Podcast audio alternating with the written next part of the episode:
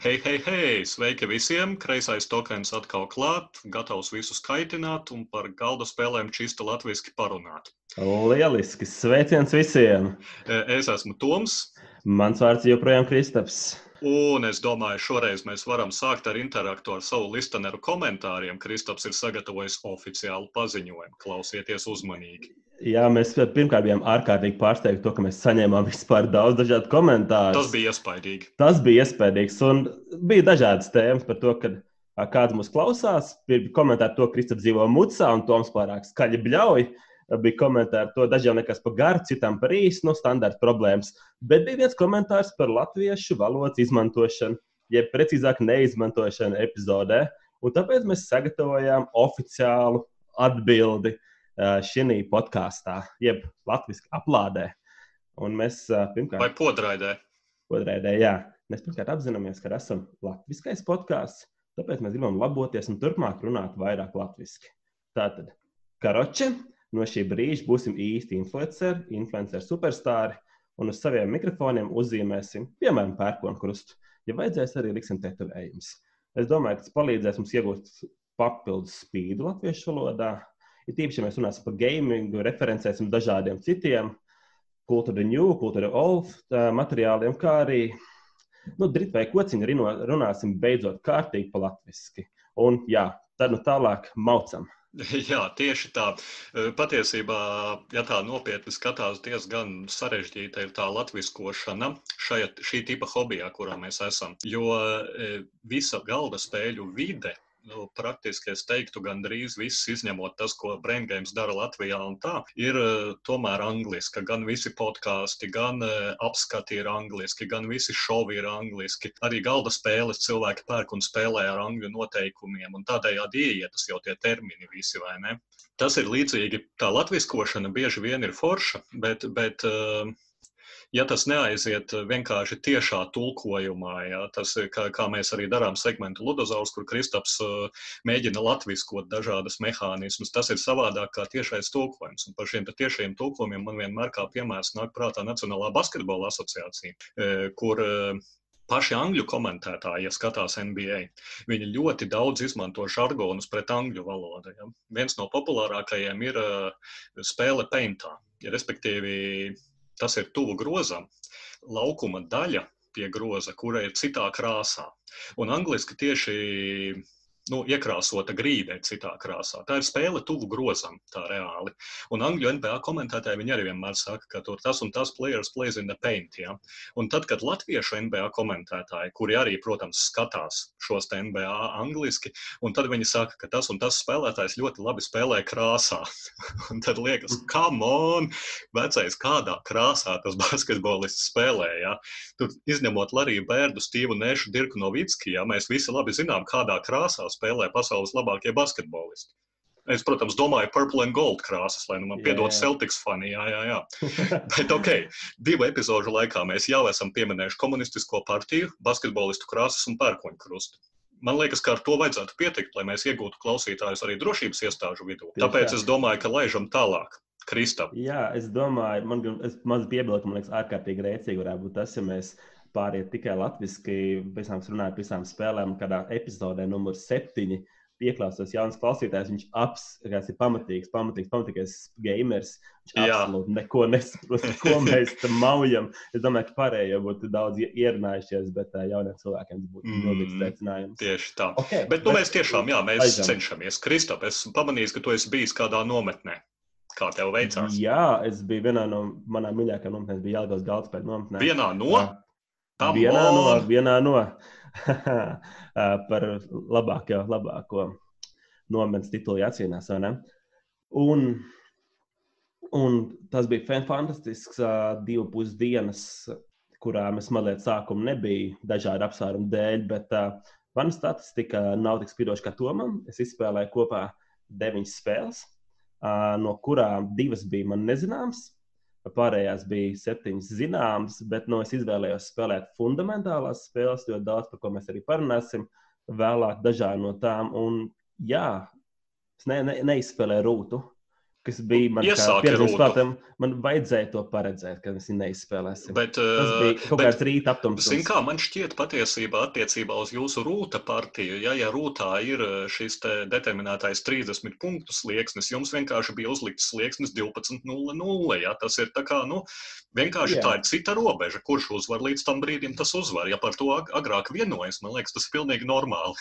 Tādā nu, spēlē, kura iet līdz kaut kādai robežai. Mēs būtu izspēlējuši, bet es nevarēju nesist jenotu. Es pie, pamatīgi, no jenotu jāsaka. Piekāvām, pie, pamatīgi piekāvām jenotu, un tāpēc viņš neko vairs nebija spējīgs uzvarēt. Un, uh, mēs nebijām spējīgi pabeigt. Kā, bet, bet gandarījums okay. par jenotu palika tāpat, vai ne?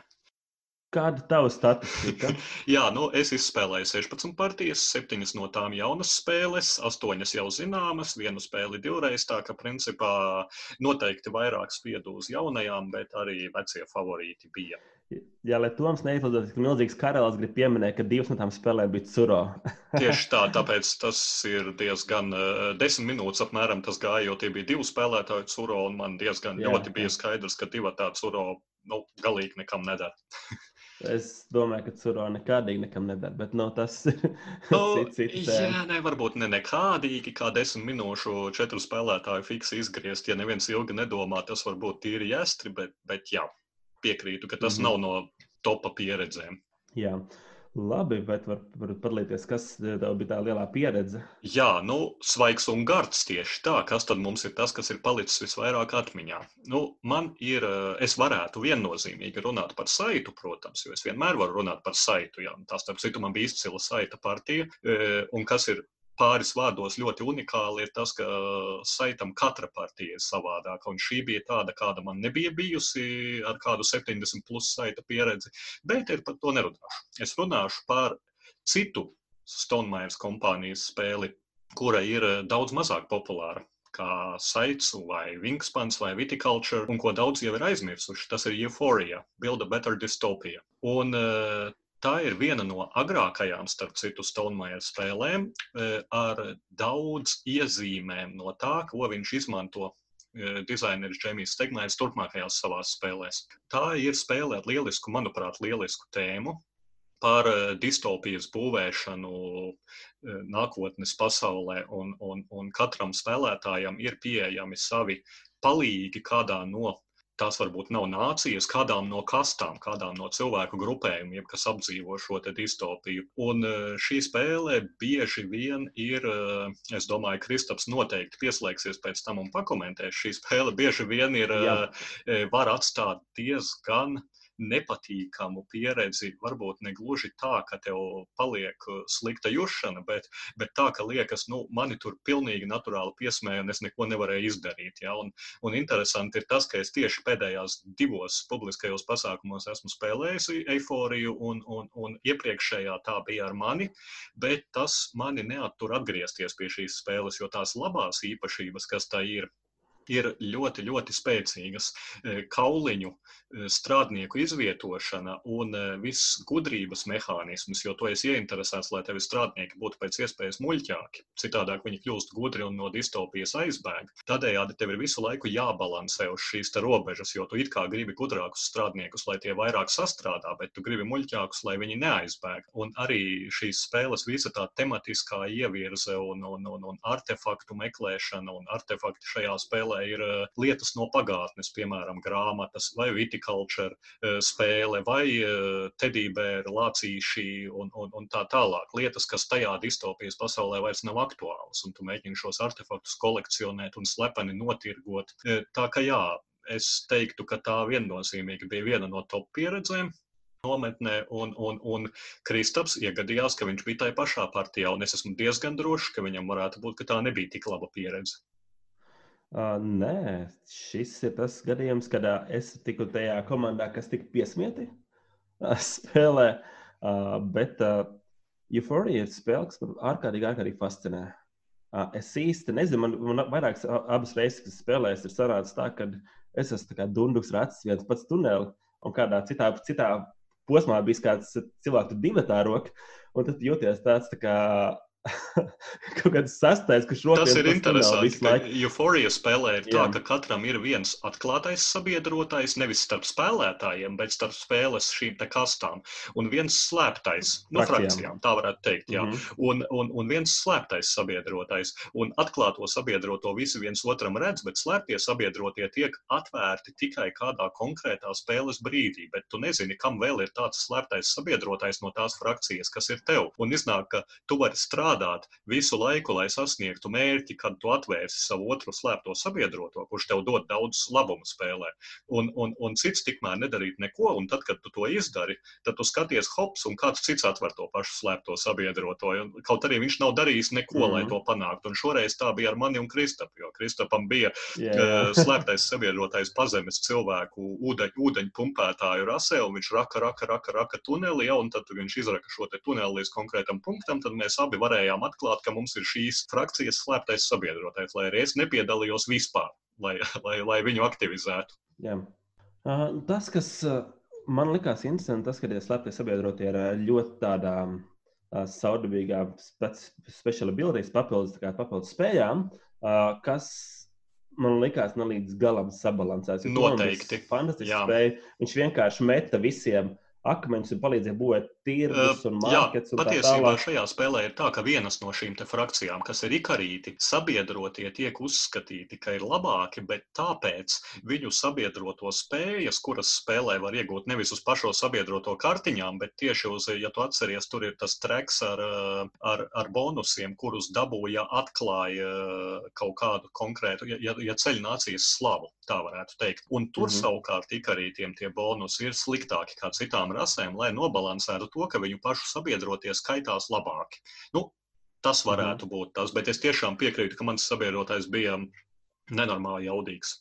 Jā, un palielam, man tā sajūta beigās bija tāda, ka uh, es nejūtos, ka bija ārkārtīgi viss balansēta spēle. Protams, diemžēl tas tā bija. Es nevaru teikt, ka Toms mūs visus sakapāja. Uz beigām, starp citu, pie, pievilka vēl viens spēlētājs, kuru īpaši daudz neviens neuzpasēja spēles laikā. Viņš bija praktiski jau turpat, mm -hmm. kur es ar visu to, ka man it kā bija nu, daudz jaudīgāk. Mums, mums ar Edgars katram vēl pietrūka trīs zvaigznes. Edgaram, liekas, bija astoņi. Uh, tā kā divas. Okay, mm -hmm. uh, jā, bet jebkurā gadījumā tā sajūta ir.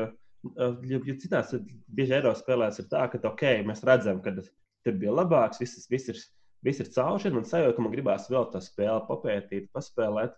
Un iespējams, ka es esmu mazliet uh, bajas tādā ziņā, ka man ārkārtīgi patīk uh, organismu tēma, distopija. Man patīk, uh, patīk viens no sižetiem, ko mēs darījām, kas bija nenormāli, nenormāli aizraujoši.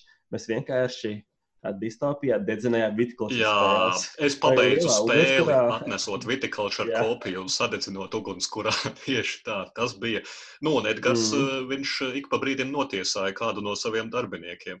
Viņš bija kanibāls tā kā. Jā. Nu, es iešāvu pēdējā, arī otrreiz, kas spēlē sev kājās, paņemot to frakciju, kas uh, it kā bojā citiem dzīvi, bet viņš patiesībā neko pārāk daudz nesabojāja. Jo Tas, kas ir mans mazliet mīnus, viņš spēlē mehāniku, tur zaudēt savus darbiniekus. Mm -hmm. Bet uh, tās briesmas ir tik ļoti tālas, uh, kad nu, tev ir baigi jāriskē, lai tiešām. Patiesībā tā nav. Jo es domāju, šajā spēlē viens no svarīgākajiem balansiem ir, cik darbiniekus tu uzturi. Ja tu aizēji līdz četriem darbiniekiem, tad tu zaudēsi katru otro atpakaļņemšanu kā minimums vienu. Tas ir diezgan droši. Jā, Atkarībā no cik tu ņem. Nu, jā, tad tev ir vienkārši jābalansē un jāņem pa daļām. Jā, bet eh, šajā mm, spēlē mm. tas, ka arī cits var izslēgt tavu darbinieku, un tev viņš ir obligāti jāņem atpakaļ. Eh, un, un, un, un tad var vienkārši iegadīties, ka tu zaudē. Tā kā. Jā, jā, bet tas, ko es teicu, bija par to, tiem darbiniekiem ir tās gudrības, un viņas ir ļoti viegli turēt. Un viņas ir no 1 līdz 6, cik var turēt, kā papildus bonus, skaitītājs to pieskaitās klāt. Un viņas ir ļoti viegli, relatīvi viegli turēt zem 3, 2. Un tas vienīgais, kas to risku palielina, ir cik jau daudz skaits, darbinieki. Jā. un man gribētos, lai tas ir kaut kādas darbības, kas ir itīgi foršas, bet tev darbinieki mm -hmm. paliek pamatīgi mm -hmm. gudri, un tas risks aiziet, um, riskēt pašiem, tas risks aiziet pie kādā brīdī uz pieci. Tad jādomā, kā viņi dabūt kā lejā. Jo šeit mēs varējām to divi, trīs noturēt ārkārtīgi relatīvi vienkārši. Tas man nelīdz mm -hmm. galam. Nu jā, Tā, mm. Tas bija par euforiju, bet ar distopiju, kas tev ir palicis labs atmiņā. Jā, mēs turpināsim uz Stonmaier notis, jo man pirmā spēle, ko es ierados ap pulksten desmitiem, un pateicu, skaļi klausīties, vai kāds grib spēlēt tapestry. Bija cilvēki, Man ļoti interesē, kā tev patika šī te visu un īstā spēle. Arī mans, mans viedoklis patiesībā. Uh, tapestry tas stāsts jau ļoti, ļoti vienkārši un ļoti garš patiesi. Sākumā viņai ir milzīgs hype, ka tā būs labākā civilizācijas spēle pasaulē. Un līdz ar to tas uh, pamatīgais, pamatīgais hype un sagaidāmās expectācijas spēles arī uh, cilvēki nesagaidīja to fantastisko darbu, ko viņi bija gaidījuši. Bet kopumā uh, lielās vilcienos man patika. Un es pastāstīšu par plusiem, par mīnusiem. Uh, pirmā lieta, kas, kas manuprāt ir jāsaprot, kad uh, spēlēt civilizācijas tur nav vispār. Nekā civilizācijas būvēšanas, manuprāt, nav. Pilnīgi nemaz viens civilizācija uzskata, uh, spēles sākumā mēs braucam ar karietēm, spēles beigās mēs braucam ar raķetēm. Nu, no tādas analoģijas. Bet uh, spēle bija par lielam kubiņu stumdīšanas un resursu mainīšanas uh, treniņš. Un labā ziņa, ka man patīk stumdīt kubiņus un mainīt resursus. Mm -hmm. uh, nu, kas bija fēni? Kas bija fēni? Fēni bija tiešām vienkāršie noteikumi. Tev ir četri traki, četras ailes, uh, kur tu samaksā sēnes vai samaksā golemus, vai kas tur bija zvaigznes. Un tu bīdies priekšā un kaut ko var izdarīt. Viss noteikumi. Uh, Edgars mums stāstīja, vienkārši pastāstīja, ko tas dara. Man Viss nedaudz traucē tas, ka šie noteikumi no, no. Jā, ir super vienkārši uz divām lapām, reāli uz mm -hmm. divām lapām. Bet ir uh, spēles laikā, vismaz man ir gadījušies kaudzēm izņēmumi, kur vienīgais variants ir meklēt internetā. Varbūt, ka jums tādi neuztrāpījās, bet, bet ir šajos noteikumos saīsinot, jā, nav daudzas lietas jā. iekļautas.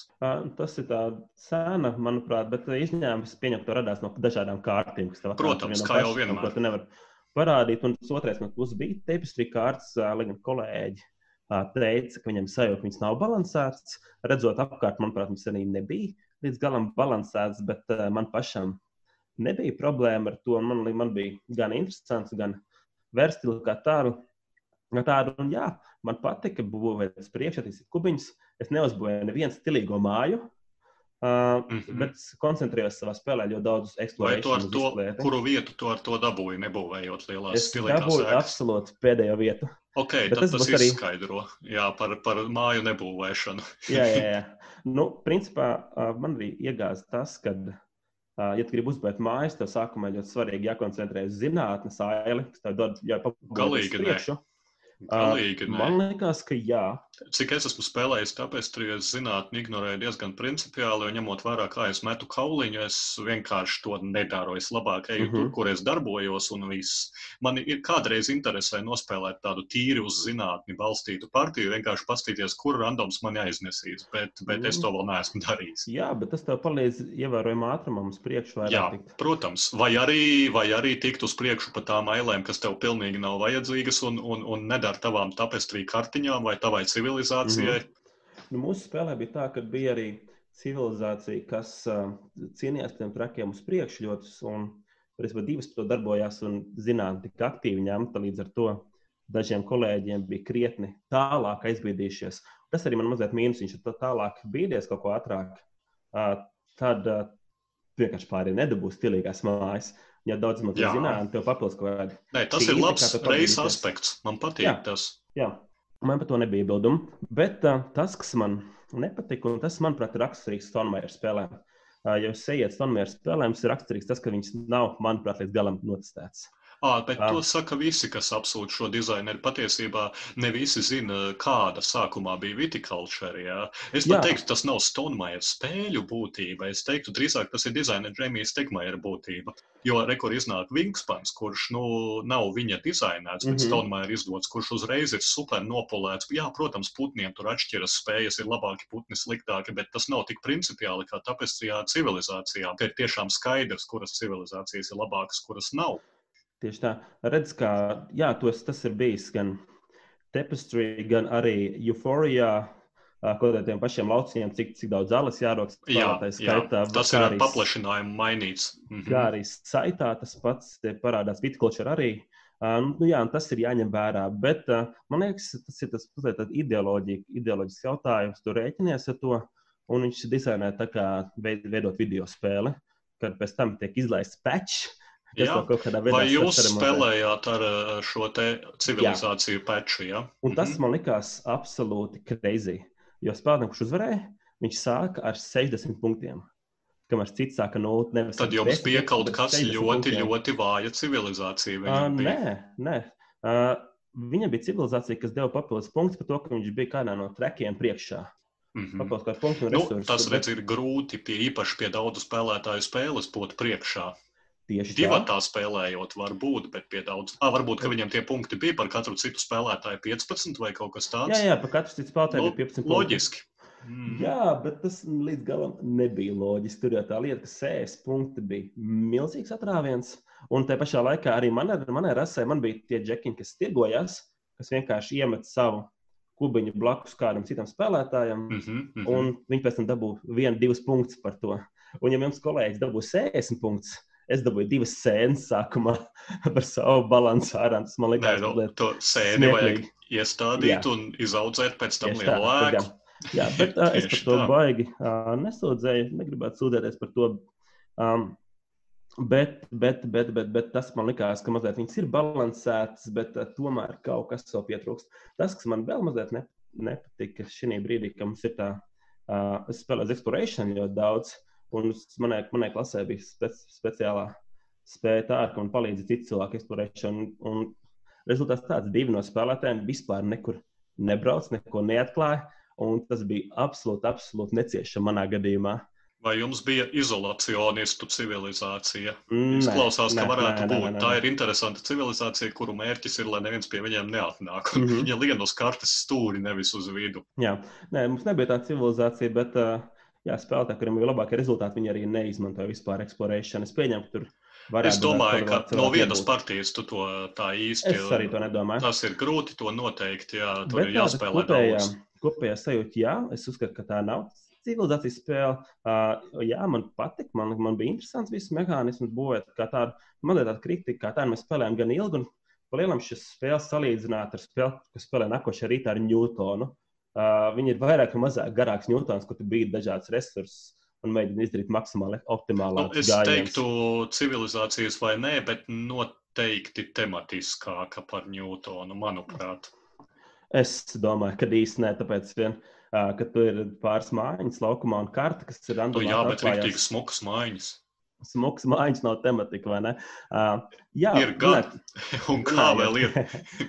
runājot par tematiku, uh, es vēl, vēl kritēju, krit, kritika tepstriem bija to, ka nu, tur nav chronoloģiska secība, ka no sākuma atklāja rādio un pēc tam atklāja rakstīšanu. Mans netraucēja uh, vispār. To ir dizaineris. Jā, nē, tas pilnīgi netraucēja. Dizaineris to jau pamatoja mm -hmm. pirms mhm. spēles iznākšanas, ka tā nav zeme, ka tas ir uh, cits universs, kur vienkārši atklāja lietas citā secībā. Jā, jā, jā. Tas arī jā, ir. Man tas, man vispār netraucē, jo es ne, nejūtos, ka tā ir civilizācijas spēle.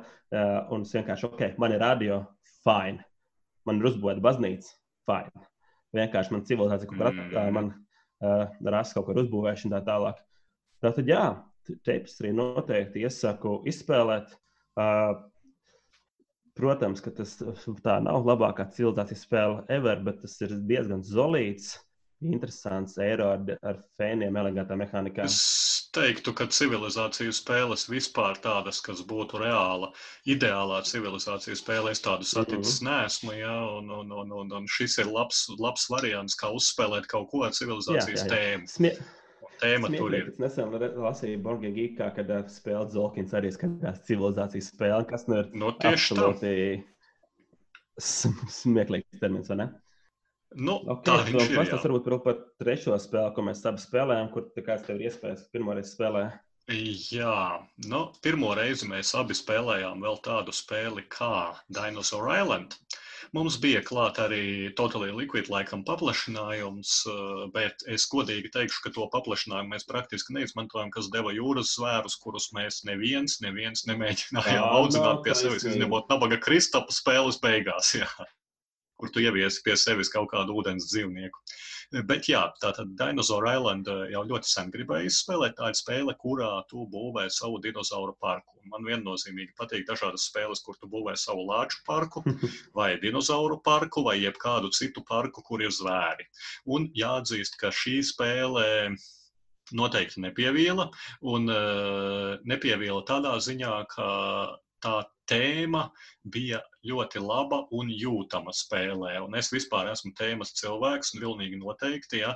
Un, un, un es neuzskatu, ka tēma un tēmas vienīgais raksturojums ir tas, ka orki skraida un sit elfiem ar kauliņiem metamajiem pa galvu, ja? un ka tā ir vienīgā pasaulē pieejamā tēma vai arī lielais tulu lien ārā un kādu ar taustekļiem parauj zem ūdens. Eh, šeit viennozīmīgi ir tēma par sava dinozaura parka būvēšanu, jo šeit ir zinātnes sadaļa. Tu sūti zinātniekus, lai viņi atklātu dzimtarā iekausētus gēnus un pēc tam no šiem te gēniem laboratorijās eh, selekcionētu jaunus dinozaurus, Tev ir parastie strādnieki, tātad prastie būru tīrītāji, ja, žoga būvētāji, apsargi un tā tālāk. Un tāpat tu vari piesaistīt dažādus speciālistus, izmantojot sev pieejamos līdzekļus, kas tev palīdzēs vai nu darbam laboratorijās, vai pie apsardzes, vai vēl kaut kur.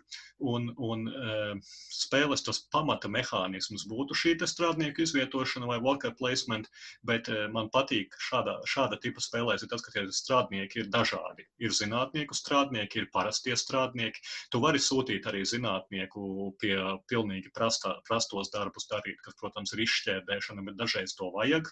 Un uh, pats galvenais ir tas, kā tu strādā ar uh, skatītājiem, ja ar parka apmeklētājiem.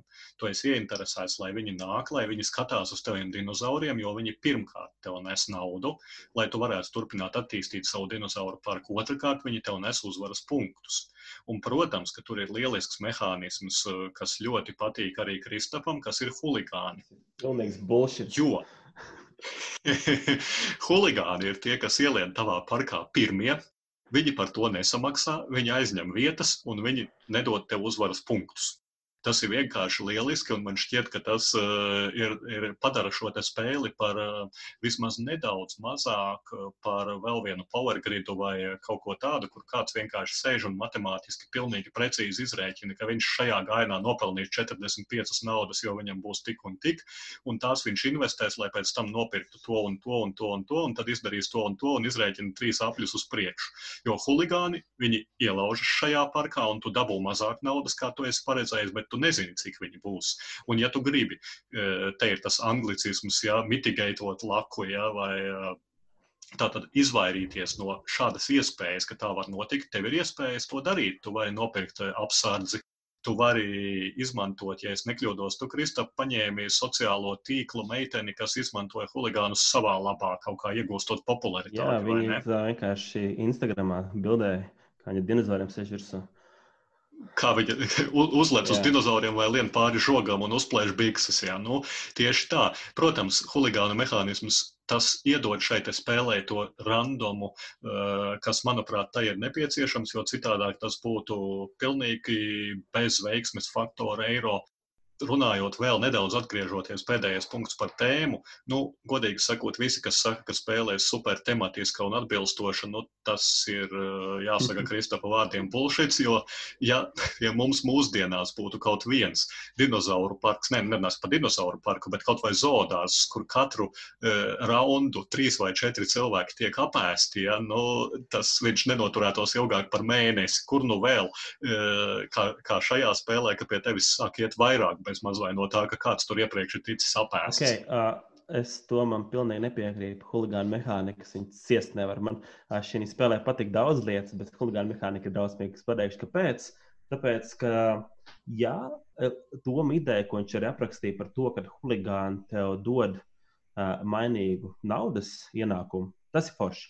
Ja tu, piemēram, huligāna dēļ tu nevari paredzēt, ka saņemsi 40 naudas, piemēram, 32 tas ir forši. Bet huligāni tev burtiski atņem punktu, zaudē uzvaras punktus, tev iedod pamatīgi atspiež atpakaļ. Tas nozīmē, ka tu viņus katrā raundā brauc no maisiņa. Ja kāds cilvēks izvēlas, piemēram, astoņus zeltainos džekiņus, kas nav huligāni, viņš dabūs astoņus punktus. Es izvilkšu, es arī vēl astoņus, izvilku trīs huligānus. Es tīri tehniski dabūju reiz piecus. 5 punktus tikai. Nu jā, punkti šajā spēlē, tā lai var saprast, ir apmēram tā. Mums bija ap jā, 70, jā, jā, jā. ja nekļūdos. It kā šī trīs punktu starpība nav tik liela, bet ja tas notiek vairākus raundus pēc kārtas, nu tad spēles beigās tie var būt un, kādi mīnus 10 punkti. Un eiro tas un ir tas daudz. Tas ir tāds, ka pēc tam, kad dinozors apēr, viņš apēr tos, kas nav huligāni.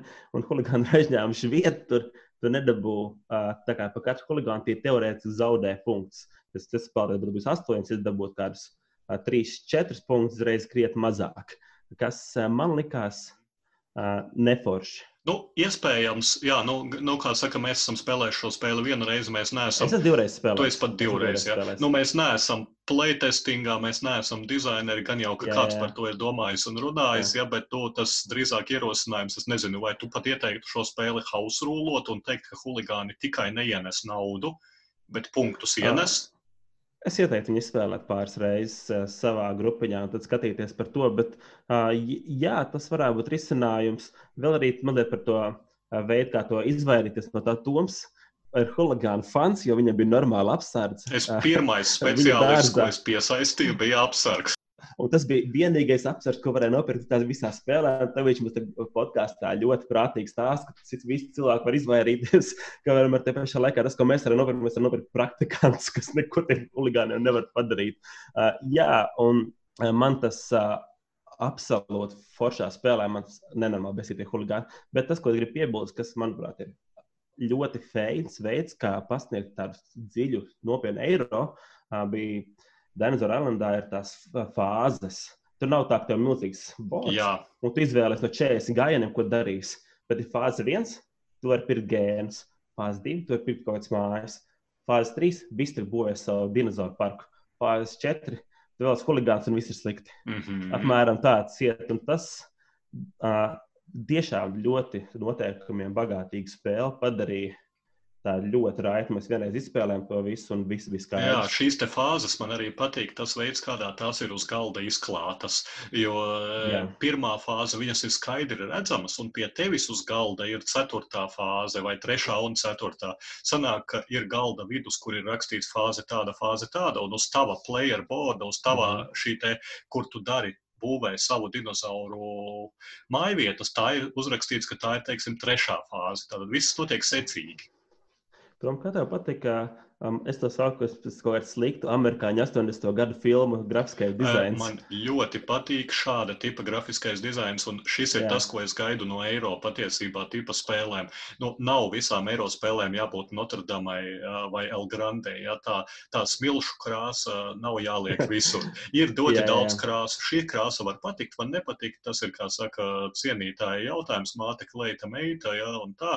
Bet man šīs krāsas ļoti liekas, ka atdzīvina un galvenais galvenais netraucē spēlēt.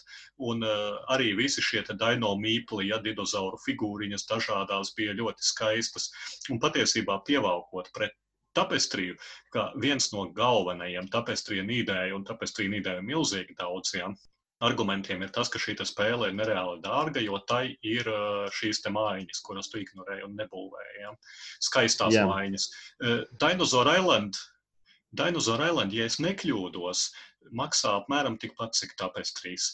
Un uh, par šo spēli pilnīgi neviens es nekad neesmu redzējis, ka sūdzētos, ka lūk, bez tiem dinozauru figūriņām varētu iztikt, jo reāli tie varētu būt kubiņi vai ne tāpat kā citur. Mm -hmm. Tā kā jā, ir jāpieņem to, ka mēs esam diezgan elitārā hobijā, kur par spēlēm var būt jāmaksā daudz, ja tu gribi skaistu, labu spēli. Ja, un, yeah. ja es viennozīmīgi nopērku tapestriju, ja pat tiem 80 eiro vai cik, Dinosaur Islandu par to pašu cenu zinot, redzot, ka produkcija, tas kvalitātes produkcija ir tādas pašas, Bet, bet mm, Dinosaur Island es par šo cenu nepirktu. Bet tāpēc cilvēkam ir izvēle. Kāds cits pateiktu, nu, nafik man nevajag tos uh, visus uh, super pārķūnētos figūriņus un mājiņas. Es nopirkšu parastu labu eiro par 20, 30 eiro un par 20, ne par 30. Ja? Un miers un spēlēšu to. Tāpēc šī izvēles iespēja ir. Bet man ļoti patika gan māksla, gan noformējums spēlē, gan, gan arī tas, cik lietas ir izdarītas kvalitatīvi. Jā, es, es tev piekrītu. Man liekas, tas nebija ne banāli, tas bija stilīgi tieši vietā un uh, atšķirīgi. Neuzspiežot arī kaut kādu pārāk uh, rozīgo krāsu, ko tam līdzīgs. Mm -hmm. bija ļoti, ļoti, ļoti eleganti, gaumīgi. Jā. Jā. Tā, tā tas bija svaigo un gardo. Es domāju, ka laižam tālāk, vai ne? Uz priekšu. Mums nākamais ir ieradies studijā galda spēļu terminu cēlmlauzis Kristaps, kurš Lodozaurā vēlas piedāvāt kādu jaunu latviskotu spēles mehānismu. Aiziet, tieši visa tā, grīda ir tā. tava, Kristap. Ok, es apsēdies grīdas un piedāvāju eh, šo ļoti interesantu mehānismu, kas angļuiski saucās betting vai arī slash wagering. Un atskaits tulkojums būtu likmi likšana. Uh, lai jūs vienkārši saprastu, kas tāds ir, iedomājieties, kad jūs skatieties, esat Eirovīzijas dziesmu fans, un jūs gribiet uzlikt likumu par to, ka Samantīns šogad uzvarēs lielā Eirovīzijā. Pa lielam tas ir betting. Pa lielam tā ir naudas izmešana, izklausās. Tā ir, tā ir naudas izmešana, bet tā arī tā, tā kā šī mehānika strādā. Uh, jā, un latviskojot, latviskojot, mums bija ļoti svarīgi, ka mēs to latviskojām arī, lai to arī varētu nodalīt no azartspēļu no, no, nozares kā tādas. Uh, Jo mm, betting wagerings jau palielinās, tas, tas, tas arī ir. Uh, un tāpēc tika izvēlēts termins likmju likšana. Jo tas, no, tas tomēr nozīmē, kaut, ka tu izdari likmi par kaut ko, īsti nezini rezultātu. Tad tu uzsaki, ka tev likme kaut kas notiks vai nenotiks. Un, jā, un patiesībā tas, kas ir būtiski, par ko runāt, ir nodalīt divas mehānikas. Ir likme likšana, betting wagering, vai arī izsoles, kas ir augšana. Un tas ir uh, būtiski, būtiski atšķirās. Tā ir pilnīgi jo... cita lieta, manuprāt. Jā. Tieši tā, tieši tā. Uh, bet, manuprāt, cilvēki to daudz, daudz arī jauta. Es arī, kad es domāju par spēlēm šim segmentam, kad tu biji teicis, ka būs likme likšana, man galvā pirmās spēles, kas nāca visas bija augšana, jeb izsoles. Uh, jo, piemēram, spēle, uh, kas būs viena izsoles spēle, ir High Society, kur cilvēki vienkārši uh, dodas izsolē par dažādiem glamūriem, par braukšanu ar kuģi, skaistām glaznām un tā tālāk, kas vairāk samaksā, tas to dabū. Tā ir izsole. Tu zini, ko tu gribi, tev ir pliķis, samaksā, tas ir tev. Likuma likšana strādā citādāk, un to var labi redzēt dažādās sporta simulēšanas spēlēs. Piemēram, mums būs Camelap vai arī Downforce. Uh, Camelapā, piemēram, uh, ir kamieļi, kas skrien par apli, un tev ir jāliek likums, kurš kamielis finišēs pirmais. Kādā brīdī, jo tā ātrāk izdara, tev lielāks ienesums, protams, jo ātrāk izdara, tev mazāk zinām informācija par to, kurš ir izrāvies vadībā. Bet tu esi uzlicis likmi, un tev nav skaidrs, kas īstenībā notiks. Tu vinnēsi lielo naudu, tu, zaud, tu nedabūsi neko, un tev nav, nav, nav šīs īstās drošības par to, ka jā, būs vai nebūs.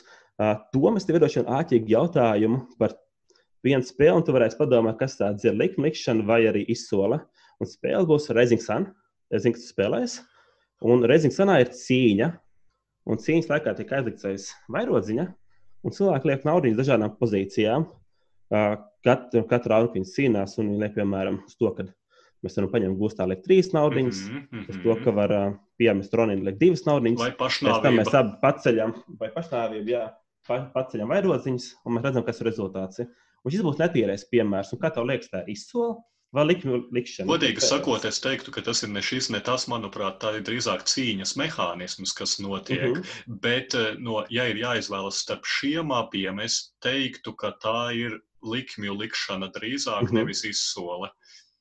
Jā, vai tas ir pamatojums? Um, Izsolē es teiktu, ka izsolē ir jābūt iespējas pārsolīt un tā. Likmi, e, kāpēc tā ir likme likšana? Tāpēc, kā abi paceļ šos te vairogus un skatās, kas notiek. Tev nav vairs iespēja mainīt šo te e, likmi, teiksim, tā kā tas būtu izsolē, ka tu vari piemest, Jā. skatīties uz otru, pēc tam analizēt. Varbūt es tagad izstājos. Šeit tev nav iespēja izstāties. Tu visu saliec vienreiz.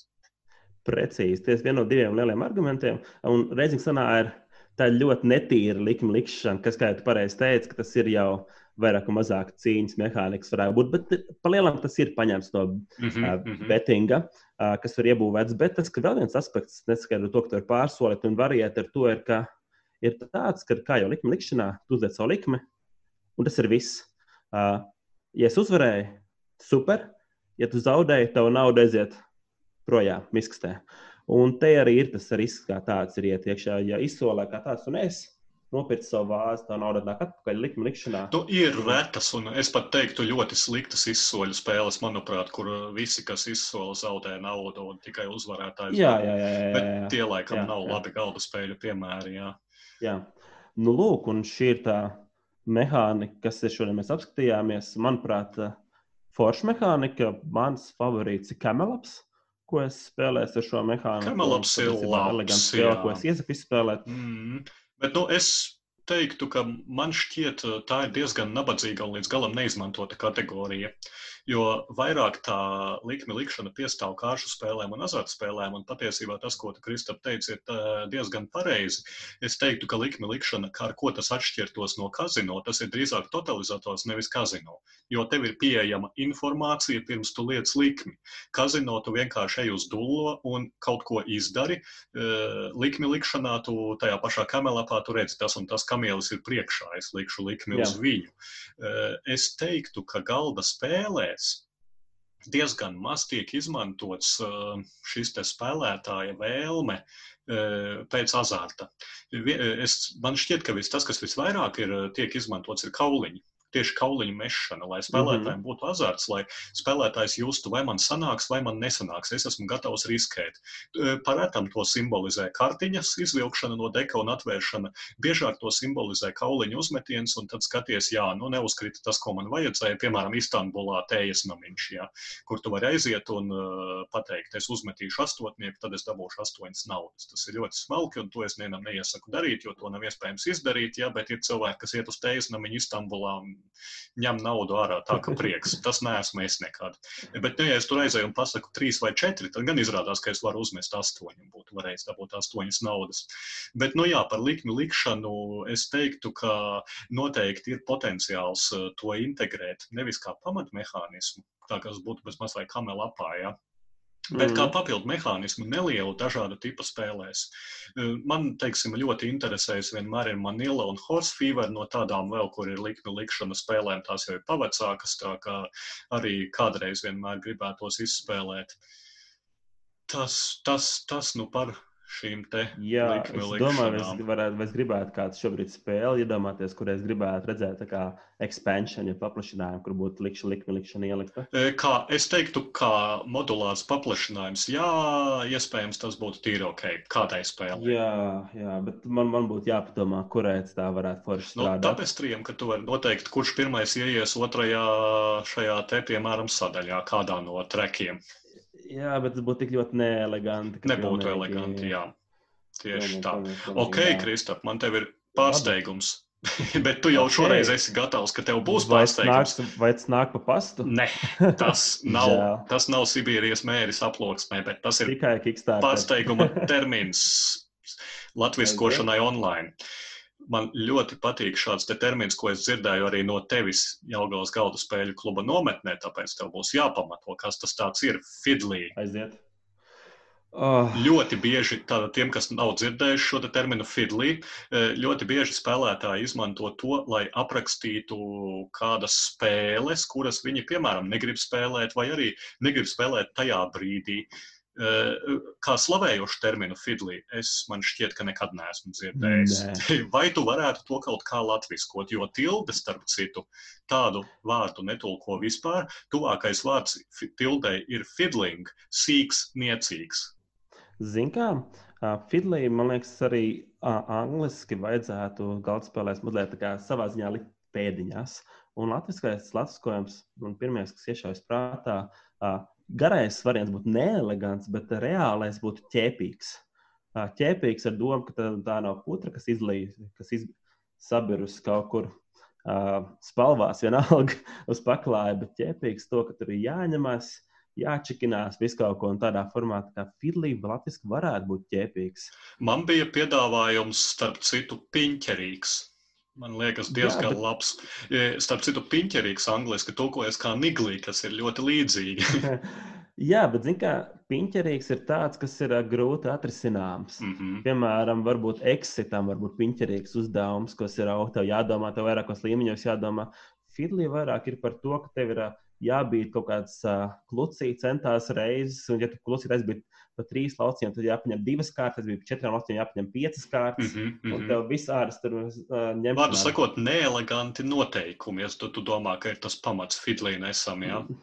Neelegants dizains. Jā, jā, bet tu to vairāk uh, uz, nu jā, nevis noteikumi, bet tieši šī mehānismi. Mm -hmm. Bet tu to tiešām vairāk akcentē uz mehānismiem, jo es, starp citu, šo te fidlī, kāpēc es saku piņķerīgs, no, no. es to uh, bieži vien uztveru kā spēli ar daudz maziem un kaitinošiem komponentiem tīri fiziski. Piemēram, ir uh mhm. -huh. spēle Nusfjord, kur monētiņas, vieninieka monētas ir, es tagad skatos uz savu nagu, tieši ceturdaļas naga lielumā. Jā. Un, un tad šie vieninieki spēles laikā ir jāmaina un plaukstā tie pazūd, vai uz galda ir, teiksim, super mazi kubiņi, kuri ir jāņem vai jāmainās. Jā, jā. Tas man šķiet, ka arī ir sava veida šis fidlī piemērs, tikai nevis no mehānismu viedokļa, bet no tā, ka spēle negribas spēlēt, jo tur ir šausmīgi daudz maza, mazu dažādu detaļu, kuras visas kaitina un pazūd. Jā, bet viņas izmanto abus divus, un manuprāt, viena no visvairāk fidlī spēlēm, ko mēs piņķerīgā, ķēpīgā spēlē, ko mēs Ņūtons. nometnē bija. Nē, Ņūtons ir super elegants. Uh, Fidlī bija uh, Lords of Hellas, kur bija viss mazā, mazie visādi noteikumi, un tad tu mhm. aizēji uh, uz. Uh, Uh, aizies uz vienu tempu, tev ir tas, tev vienā mājā ir uzbūvēts orakls, citur uzbūvēts parastais templis.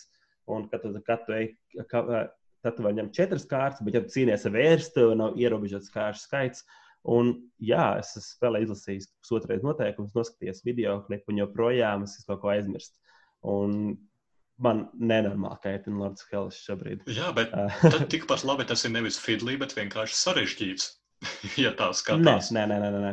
sarežģīts uh, būs vairāk, piemēram, spēlē, kas ir. Um, Tā, kas man ienāk prātā, uzreiz ir Hannibals, Roma pret kartāku. Tur ir sarežģīti noteikumi, 20 lapas pusēm bet viņi ir skaidri, viņi ir uh, pamatoti. Tur nav kaut kāda mistiskie izņēmumi. No nu jā, tādi, nav tā, ka, ja Hannibals kas... ienāk Spānijā, tajā brīdī visi pieceļas kājās, apgriežas uz vienas kājas ap jā, sevi un pa ceļam var ar roku savākt savus hoplaitus. Nē, hoplaiti ir grieķiem savus šos te no galda novākt nost un paslēpt plaukstā un pēc mm. tam izmest ārā kādā brīdī. Piemēram, piemēram Dungeon pēc ir ļoti, vai Mombasē ir sarežģīti noteikumi Bet uh, tu viņus iemācījies, tu iziet cauri tiem posmiem, tur viss ir skaidrs galda. Tev nebūs tā, ja tu spēlē man basku, tev kādā brīdī tagad, oh, tagad ir izņēmums šāds, kas man tagad jādara. Mm. Tur uh, visiem ir referents, viss skaidrs, un uh, tur tas filmas uh, noteikumos nav.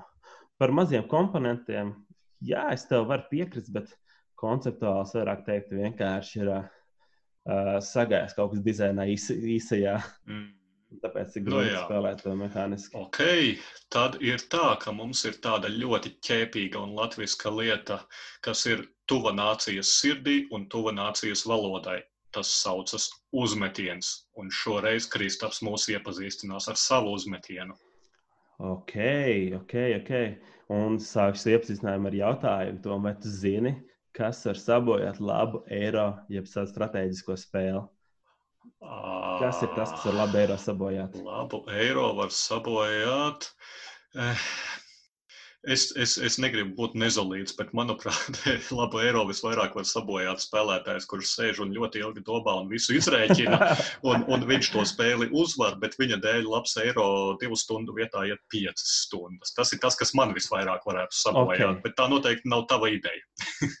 tā nav mana ideja, bet mēs viņu varam nosaukt vienā, vienā vārdā. Uh, Jo tas, kas man var sabojāt labu eiro, ir liels klucis. Mēs to spēlētāju varam saukt par lielo kluci. Un tā ir spēle, ko man liekas, nespēlēs. Spēle, kas ir par fantastisku foršu tēmu, par korupciju Ķīnā.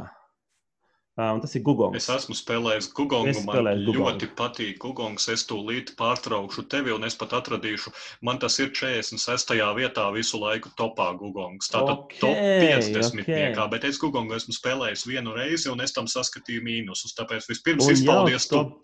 un jau top 50.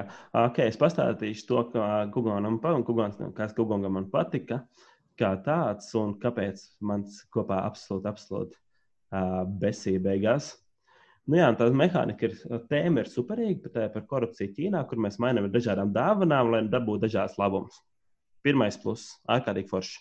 Un spēlētājiem strādā tā, ka uz galdiņa ir uh, savs tāds ļoti kārtu placements, worker placements, ļoti specifisks, ka tu maini savu kārti. Par, pret, tu liec, skaties galdiņu, piemēram, divnieku, liec uz septītnieku un lietas lielāku kārtu, mazākas kārtas. Uh, vai arī var kaut ko piemaksāt, lai uh, darītu to citādāk. Uh, jā.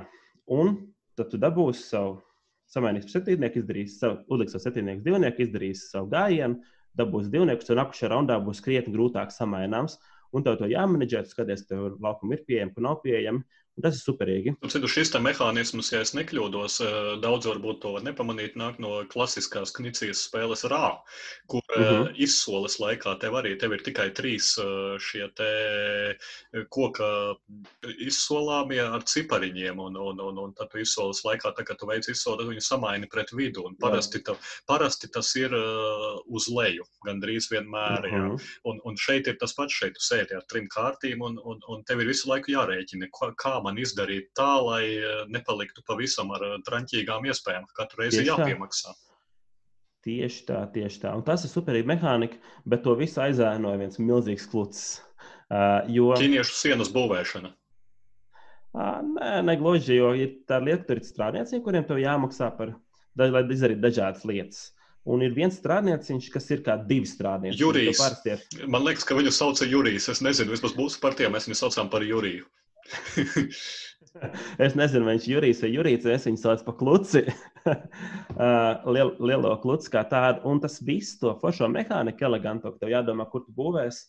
Viņš to visu pārdraftē uz to, ka tev jādomā, kur tu labāk un kā tu labāk iz, izpildīsies to savu Juriju. Ok, sauksim viņu par Juriju vai Jurīti. Varbūt, ka es reāli kļūdos, bet varbūt, ka es viņu tikai galvā saucu par Juriju, jo man viņš likās tā kā resns. Nu labi, ne, ne, nesauksim, ne, neatbaidīsim tos, kas varētu klausīties no austrumiem. Ja? jā, no rīktīgs likās tāds, kas visur aizies jau un, un, un ieliks kluci. Tieši tā. Un viņš arī tāds ir, un tas, tas spēles viss fokus samainījās, samainījās, samainījās manās partijās. Es spēlēju trīs reizes Google. Es, es taisījos tev prasīt, cik tu reizes esi spēlējis. Trīs reizes. Jā, samainījās uz to, ka uh, viņš ir tik spēcīgs, ka tev vairs nav jāstraucās pa kārtiem. Tur ir forši, forši papildus abilitātes, ko var darīt. Tu vari ņemt to resno džekiņu, vai to kluci, vai tu varētu ņemt vēl vienu kārtu. Nozīmē, ka gan vienā raundā varētu izspēlēt piecas kārtas, kas liekas spēcīgi. Bet uh, līdz ko es dabūju to resno vīriņu, tev visu laiku viņš menedžē, kā tu viņu efektīvāk uzliks. Kas ir forši? Tā ir forša mehānika, bet aiznes visu projām no esošās. Uh, esošā skata, kā tāda, esošās spēles pamata, un paliek vispār kluču modificēšanu. Vienā no savām partijām, ko es spēlēju, bija Briselē, un spēlēju ar vienu džeku, uh, Lorenzo no, no Itālijas. Ar viņu tev vajadzētu uzspēlēt Lorenzo jau Magnifico. Vajadzētu gan, jā. un viņš, uh, lielam, tas, ko viņš darīja, viņš pirmā lieta, un tur vēl cits, kas vēl bija reizes spēlējuši, pirmā lieta viss kā trāk iet pēc kluča, dabū savu klucu, un tad vienkārši menedžeri visu to klucu, kas padara to spēli baigi, baigi, manuprāt, skriptētu. Uh, teorētiski dizaineri saka, ka tu vari vinēt bez kluča. Es to neesmu redzējis, kā tas notikt. Kā tā uh, savā, savā, savā pieredzē. Un tas, uh, jā, viņš palielam no ļoti forši, interesantām mehānikām, elegantā pārveidu to par tādu minigējumu, kā tu efektīvāk izmantosi savu vienu komponentu, aizmirst par ļoti daudz citām lietām. Varbūt tev vairs kāda no citām mehānikām nav tik vērtīga. Piemēram, iet uz kaut Ķīnas tējas. Man ļoti patika, es esmu mm -hmm. Gugongu spēlējis vienu reizi. Jā. Man ļoti patika šīs dažādas lietas, ko tu vari darīt. Ķīnas mūra būvēšana, kas ir kā maziņš kooperatīvs iekšā spēlē. Jā. Ja? Tas, ka tev ir jākāpj pie imperatora pa šīm trepēm, jo, ja tu neuzkāpsi līdz augšai, tad tavu punktus vispār spēles beigās neieskaitīs. Ja? Tad uh, arī tas pats, ka tu vāc šos dārgakmeņus, ko es darīju savā vienīgajā partijā. Man vispār jāsaka, ir tā, ka es esmu ļoti principiāli pret. Uh, es to saucu par dominionu efektu. Jo -hmm. Dominionā, man Dominions ļoti patīk, bet viena no galvenajām lietām, kas man nepatīk, ir tas, ka, ja galda vidū ir acīm redzama, teiksim, divu, trīs kāršu kombinācija, ko ir jāgrābj un jāņem, Pirmais spēlētājs to izdara, otrais spēlētājs to izdara, trešais izdara. Nu, ja visiem rokās ir apmēram plus-minus sākuma nauda ietrāpījusies vienāda. Eh, un, un, un es vienmēr esmu šis otrais spēlētājs vai trešais spēlētājs, esmu principiāli pret kopēt to, ko ir darījis iepriekšējais, cerot uz to, ka veiksmes faktors man pēc tam ļaus viņu uzvarēt. Man ir iekšā tas, ka es darīšu kaut ko savādāk, vienmēr es darīšu savādāk.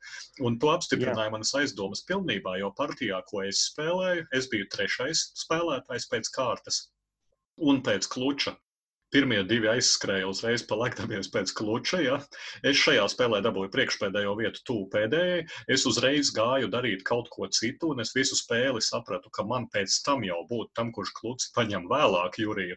Nu, tas tam vairs nav jēga, jo visi citi jau ir atrāvušies. Ja, ja es to nedarīju uzreiz, tad man vienkārši atliek kat kategoriski pieturēties pie sava Jā. alternatīvā ceļa. Ja, un, un es neņemot zaudēju diezgan pamatīgi. Un man tā jušana palika spēles laikā, ka tas ir tiešām tik pārāk spēcīgs mehānisms iekšā šajā spēlē. Un apakšā, ja es nekļūdos, Juriju varēja dabūt braucot ar laivu pa upi, un tur bija pieejami vēl trīs vai četri citi bonusi, kurus neviens vispār neņēma un nepievērsa uzmanību. Visi ņēma tikai viņu uzreiz, kā ieradās tajā vietā. Tieši tas, kas notiek Google. Mm -hmm. Un tas tāpēc arī man ir milzīgs uzmetiens. Iedomājieties, spēlēs trīs reizes un trīs reizes saskāries ar to klucu. Man patīk, ka tev man ārkārtīgi patīk tās lietas, dara. Viņa ir ļoti skaista spēle. Uh, viņa ir interesanta tematika. Viņai ir foršas vietas, kur ar savus vīriņus spēlēt. Man ļoti arī tā kāršu mehānikas spēle. Bet, uh, kad tu sāc spēlēt, skaties, ok, man ir divas upes braukšanas kārtas, braucam pakaļ klucim. Un, ja tev nav šo kāršu, tad kāds cits brauc pakaļ klucim. Un tas reāli tas nav spēle par Ķī, Ķīnas uh, kukuļošana, bet tas spēle par to, kurš ātrāk aizbrauks pakaļ klucim. Mm. Un pēc nonsens. tam ātrāk sāks to izmantot. Jā, nu, jā es jā, saku, jā. man ar vienas spēles pieredzi tā šķita, un, eh, bet es pieņēmu, ka varbūt tā bija sagadīšanās ar trīs spēļu pieredzi. Es nestrīdēšos. Tā kā es nevaru pateikt, ka tavs uzmetiens nav uzmetiens. Es nešaubos, ka tu jūties uzmests, bet es domāju, bija ļoti interesanti gan man, gan arī kādam citam dzirdēt, ka viens sīkums, nevis visa spēle var būt uzmetiens, bet tāds sīkums, kas tev sabojā spēli reāli. Jā, tieši tā. Tas arī bija mans viena no galvenajām domām, ielikt uzmetienā tādu spēli, kas ir tādu pašu konceptu, kad jā, mēs skatāmies spēli, kuram vajadzētu visam superīgi patikt, bet tev ir nianses, kas tev viņu pamatīgi, pamat, pamatīgi iegājušiem, tas ir Gugongs. Un ja kādam ir komentāri, ka, kā Gugongs ir uzvarēts bez kluča, lūdzu, iekomentēt, tas varētu būt ļoti interesanti. Labprāt, vienkārši palasīt. Mm -hmm, noteikti. Jo iespējams, tā var būt. Tā var būt. Nē, es domāju, ka noteikti no nu, Eiropas spēlēs šie ceļi ir iespējami. Un, un var jau būt, ka tas, kurš tiek pēc tā kluča un viņa paņem, nospēlē stūbi vai pa karaļa kāpnēm neuzkāpj līdz augšai. Mm. Varianti noteikti ir. Yeah, yeah, yeah. Kā tavās yeah. trīs partijās vispār šī karaļa kāpņu mehānisms? Man tas šķiet ļoti interesants, bet vai ir gadījies kāds spēlētājs, kura punktus ne, neskaita, jo viņš nav paspējis uzkāpt? Vienā no spēlēm es neuzkāpu, jo es kaut ko aizņēmu. Tev nebija kluča iespējams. Nē, man bija klučs. Ārprāts. Nu, bet tad jau tas nav nekāds overpowerots mehānisms. To ar visu kluci netika augšā. Es kluci biju dabūjis pēc tam, un es kaut ko sāku uh, kalkulēt, kā labāk dabūt kluci, un pienāca pēdējais rauns, un es kaut ko tur zamudrījos, uh, un vienkārši neaizgāju pa lielam katrs, kurš grib uziest tām karaļa kāpnēm, tas uh, nav vispār nekāds. Nu, man arī drauds. šķita, ka tas tāds neliels papildus. Uh... Tas patīkama būt, lieta, bet, bet, bet jā, tas jā. nav liels drauds. Bet tā tam varbūt arī ir jābūt. Tas ir tikai tāds attālais drauds, kas karājas, nu, ka tu nedrīksti vienkārši ignorēt to. Tev tas ir jādara. Grūti, grūti teikt, tas ir kā manā spēlē tas bija drauds, tāpēc, ka es uh, Toreiz spēlēja par ļoti augstu vietu, ka par pirmo vietu vairāk vai mazāk arī. Un uh, skatījos, vai nu uzkāpt karalim, vai izdarīt vēl vienu lietu, kas man pēc tam kaut ko palīdzēs, un tā tālāk. Ja tu spēlē, tas ir vēl viens ekstra gājiens, kas tev garantēs otro vietu, vai arī kaut kāds risks, tad tas var būt draudz. Mm -hmm, mm -hmm. Bet no nu, citādāk. No, jā. Easy, easy cilvēki. Ok, es domāju, ka tu esi gana izteicies Jā. par savu uzmetienu.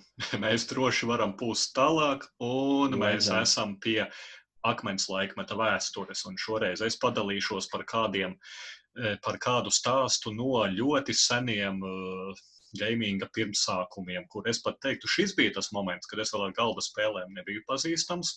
Man ir stāsts par apgriezto džengu, kad es vēl nezināju, ka tāda dženga eksistē. Un uh, mans stāsts ir par apgriezto džengu uz kuģa. Eh, tas būs uh, stāsts no maniem vidusskolas pēdējiem gadiem, kad mūsu skolai bija ekskursija uz Lapzemi pie Ziemassvētku veča aiz polārā loka.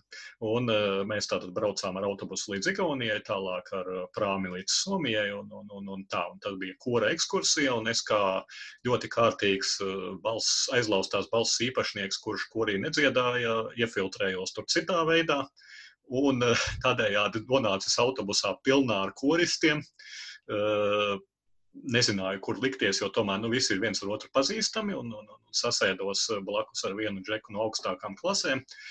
Mēs sēdējām zubrīšu vietās priekšgalā, aizmugurē bija kā jau aizmugurē, skolotāji bija priekšā un centās ignorēt visu, kas notiek aizmugurē, no kurienes varēja dzirdēt. Jā, nu, tas ir klasiskā ekskursijas princips. Jā.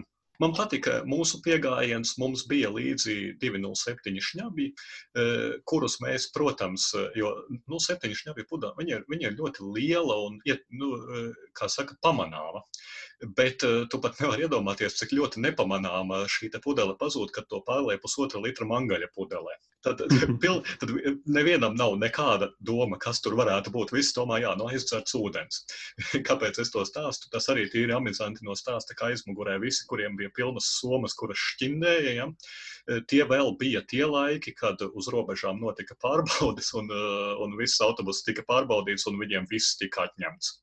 Opa. Jā, tas bija diezgan briesmīgi. Mūsu mangaļu pudeles aizdzērtās, protams, neviens nepievērsa uzmanību. Ja. Nu, tā mēs tur ekskursojām, ekskursojām, bet stāsts vairāk no galda spēļu pirmsākumiem ir par šo te atpakaļ braucienu. Ja. Atpakaļ brauciens ar kuģi, ar prāmi no Somijas uz Igauniju. Man šķiet, ka tas bija kaut kāds garais, gara, nes kāpēc tas kuģis gāja vairāk, bez maz vai visu naktī.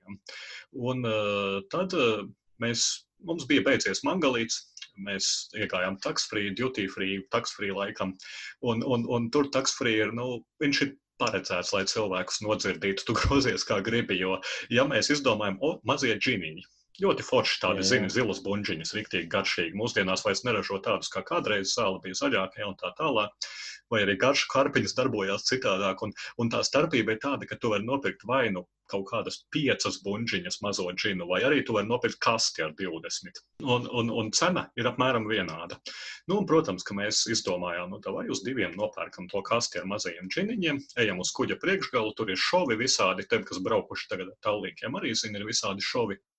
Un tad eh, tur arī bija visa mūsu ekskursija, tātad skolotāji, direktors, visas pārējās eh, te, šīs te klases un tā tālāk. Ja visi tur sēdēja priekšā, baudīja šovu.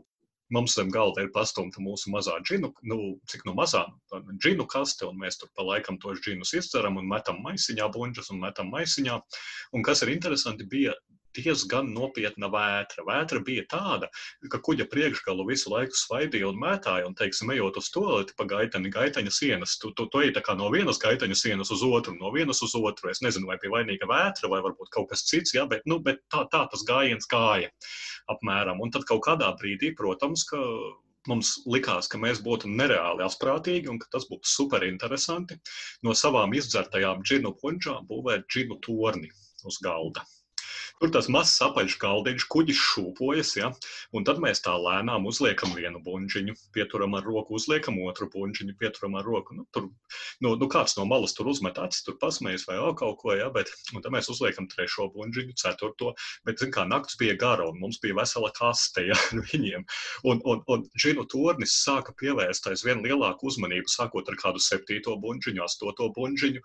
To momentu, kad mēs uzkāpām uz krēsliem, lai to žinu torni būvētu augstāk augstāku. Ja? Bet tad, tas, ko es atceros tiešām no šīs ap, apgrieztās džengas, visvairāk bija skolotāju mega ieplestās acis. Ja? Nu, mēs tomēr bijām tie, kas autobusā tur sēž zubrīšu vietās vēl kaut ko, ja? un, un, un nekādas problēmas neesam sagādājuši atšķirībā no tiem, kam, kur, kuriem ir pārunas ar robežu sargiem ja? un atņemtas somas.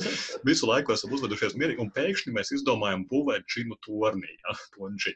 Nu, un, jā, šī apgrieztā dženga mums par laimi nebeidzās uh, tā kā džengai būtu jābeidzas ar sagāšanos. Eh, acīm redzot, mēs vai nu nebijām izdzēruši gan daudz džinus, vai, vai, vai arī bijām, grūti pateikt, bet mēs eh, izpelnījāmies diezgan lielus aplausus no apkārt esošajiem. Eh, neatnāca nekāda apsvērta mūs nesavāca, un mēs mierīgi šo džinu torni, jeb apgriezto džengu savācām maisiņā. Tas noteikti ir interesantākais, ka Normāns Rutuļa koncerts, kas noteikti bija. Sprāmi. Jā, tas bija Somu Normāns Rutulis noteikti, kas tur bija, jo tas bija prāmis no Somijas uz Igauniju, jā, tā kā cilvēki daudz vairāk uzmanību pievērsa mums un mūsu džinu torņu būvēšanai, nevis, jā, jā. nevis Somu Normānam Rutulim. Tu viņus sauc par ap, apgāzto jēngu. Uh, tāpēc, ka džengas būtība ir, ka tornis jau ir uzbūvēts, un tad tu vēl cārā un kaut kur liec. Mēs tā kā mm. būvējām šo te torni, sanāk otrādi. Mēs uh, darījām džengas pirmsākumu. Mēs netikām līdz otrajai fāzei, ka kādu buģiņu var raut no vidus ārā un skatīties, vai viņš nokritīs stabils. Nu jā, redz, būtu to uzpārdevuši uh, Habai būtu šis te, vai Ravensburgā neatliekam, man laikam Habai būtu Rhino Hero. Džengatowa, uh, Džintower. Jā, Džintower, tieši tā. Jā. Bet nu, tiem, kas jā. ir uz kuģa, jā, arī ieteikums dažādas lietas. Ja jūs gribat pirkt konfekts, tad pērciet konfekts, ja pērciet vairumā, jo tā atšķirība cenās vismaz tad bija nenormāla, un mēs pēc tam es to pārbaudīju vēl pēc kādiem desmit gadiem. Ja tu pēc atsevišķos vienumos, tad ja, līdz ko tu pārēji pāri pieci tā kaste ar 20, vienalga, kas tas ir, vai tās ir cepumu paciņas vai kas, jau ir lētāk. Uh -huh, uh -huh. Jā, nu, principā ārkārtīgi, ārkārtīgi stilīga pieredze par jēngas. Tad es pieņēmu, ka uh, interesantam ziņā varētu būt interesantāk nekā jēga. Es domāju, uh, mums noteikti bija interesantāk, jā, un tā kā sekas arī pēc tam nebija nekādas, jā, no tāda, kā saka, izšļukām cauri, lai arī tomēr tā bija vidusskolas vēl pēdējie gadi, jā.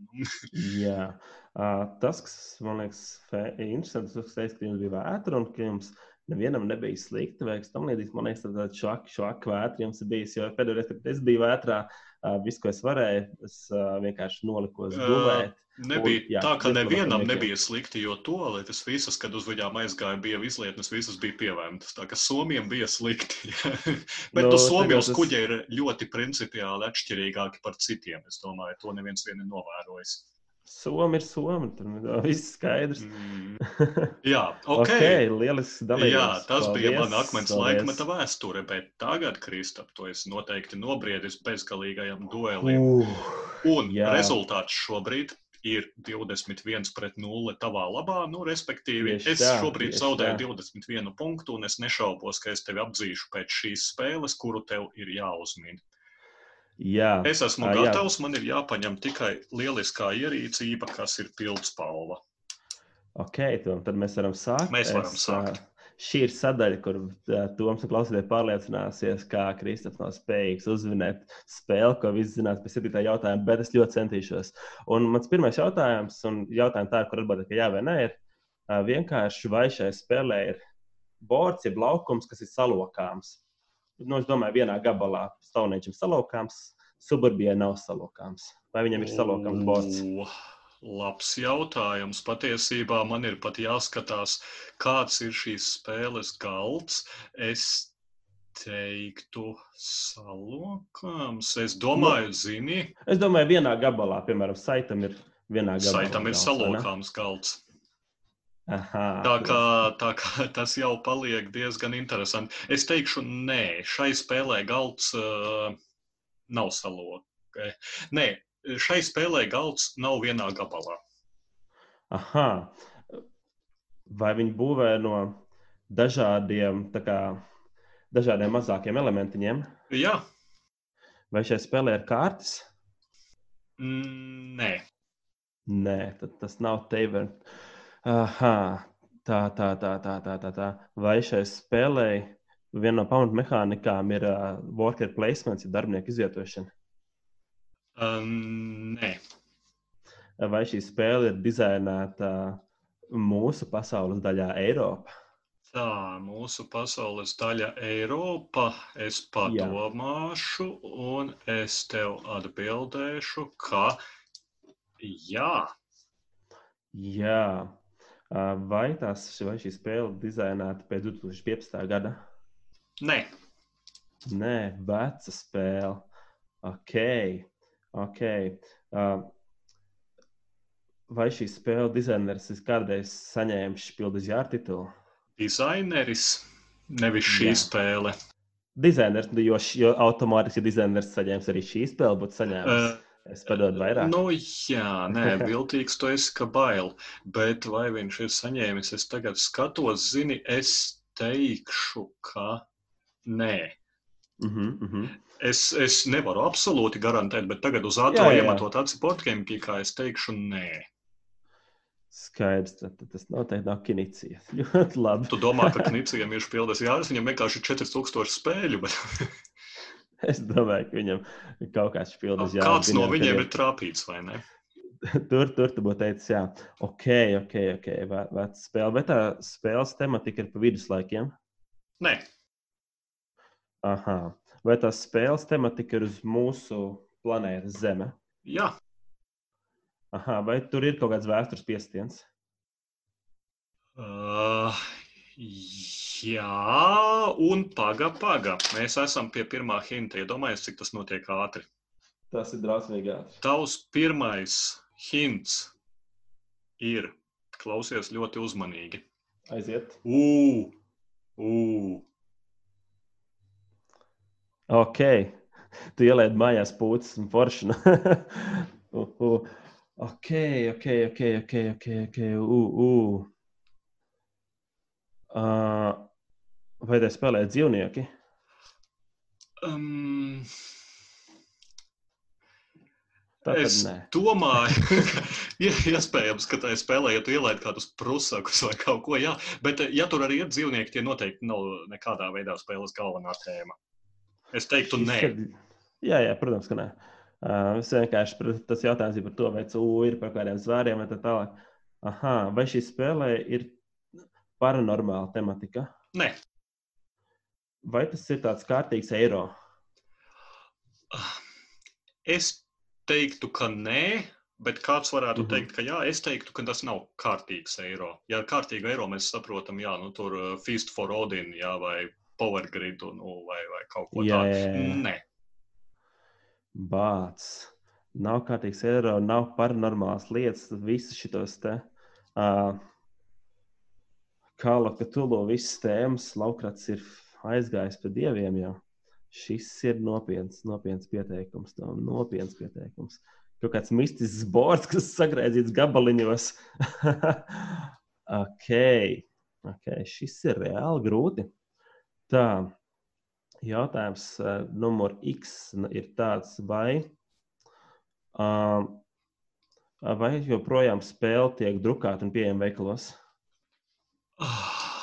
Mūsu grādos, printa, ar printa lietām ir diezgan sarežģīti, vai spēlē ir out of print vai nē. To nevienmēr visi zina.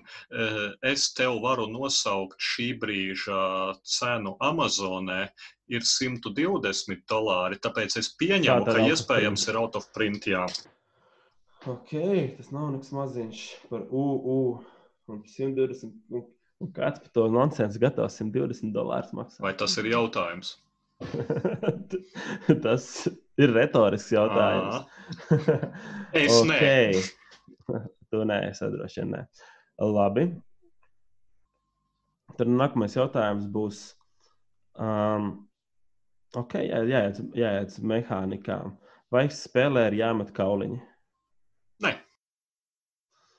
Tā kārša nav kauliņa, nav jāmet, vai tur ir uh,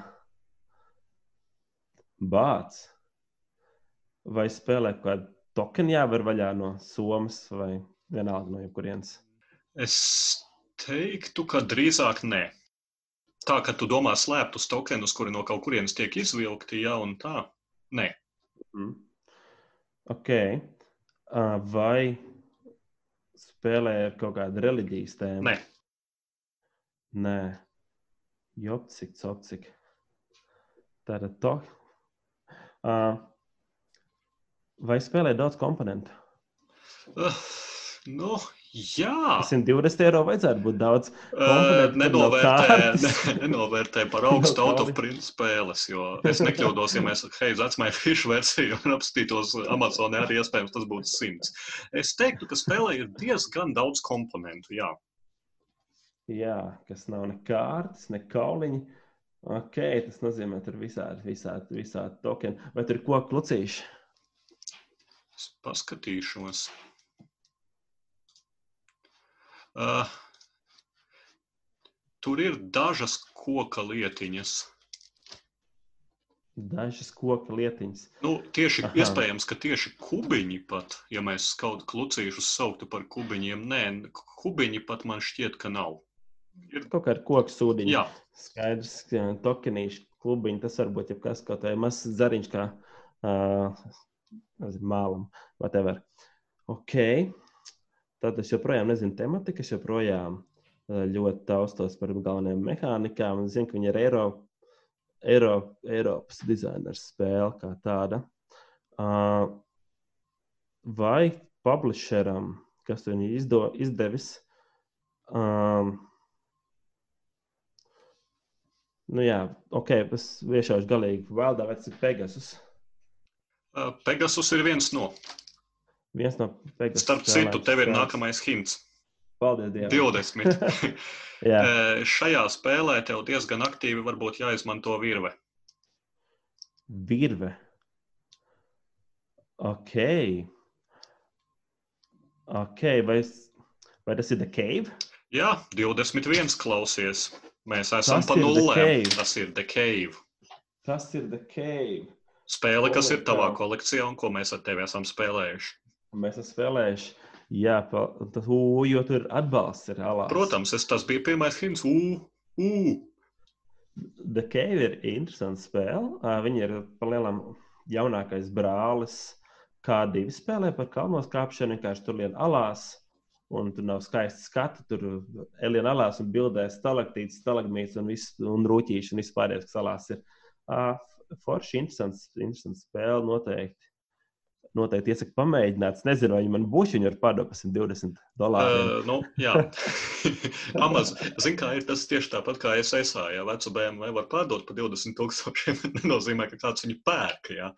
Jā, jā, jā. Tavs trešais hints pie 30. jautājuma būtu, ka spēlē ir jāizmanto virve, skābeklis, fotokamera un gumijas laiva. jā, jā, Ja nu jā. tev nebūtu palīdzējusi virve. Jā, virva man ļoti palīdzēja, bet uh, bija ārkārtīgi tādi interesants un trikīgi gadījums, jo The Cave tiešām nav, Tā nav no populārākajām spēlēm, teiksim tā. nav no populārākās spēles. Viņai nav arī ne kārtas, ne Tur kauliņa. ir taili, Ā. tur ir taili, kurus tu neminēji. Jā, Jo galdu veido taili, ko spēlētāji uzliek uz galda. jā, tur nav vienots, vienots, vienots, vienots bords. Es nezinu, kāpēc tik ilgi, skat, ilgi domāju par to. Tas jau skaidrs. Nu, kā redzi, tas nav tik vienkārši. Tas nav vienkārši. Jā, bet lieliski 21 pret 21. Jā, nu, principā pa Mēs nulēm galīgi mēs kritis esam. kaunā. Jā. Nākošajiem raundiem domājam grūtākus otros hintus. Ok, mums ir palicis pēdējais un pats nopietnākais segments ir kreisais top 5. Du, du, du, du, dum, kreisais top 5.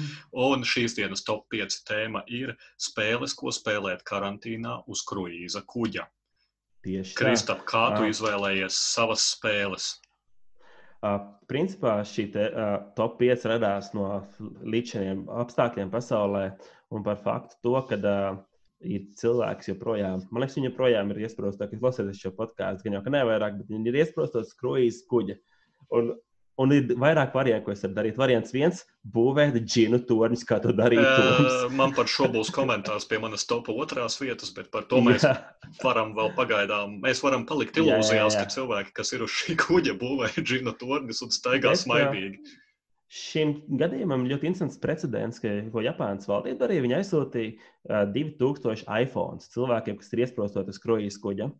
Um, un tas man arī radās doma, ja viņi sūta iPhone, jo tā doma tā ir, ka viņi var izmantot ar saviem iPhone, izmantot Japānas valdības medicīnas uh, programmatūru. Kā tādu, ja viņi sūta iPhone, kāpēc viņi nesūta arī kāds galds? Nu, man liekas, ka viena no lielākajām problēmām galda spēlēm atšķirībā no iPhone ir tā, ka cilvēki tādā veidā komunicē un aplipinās ar iPhone. Katrs Jā, sēž jā, savā jā. kājītē un nelien ārā. Ja. Jā, Tieši Jā, bet nu, ka, kas bija tas pamats, uz kā pamata tu izvēlējies spēles?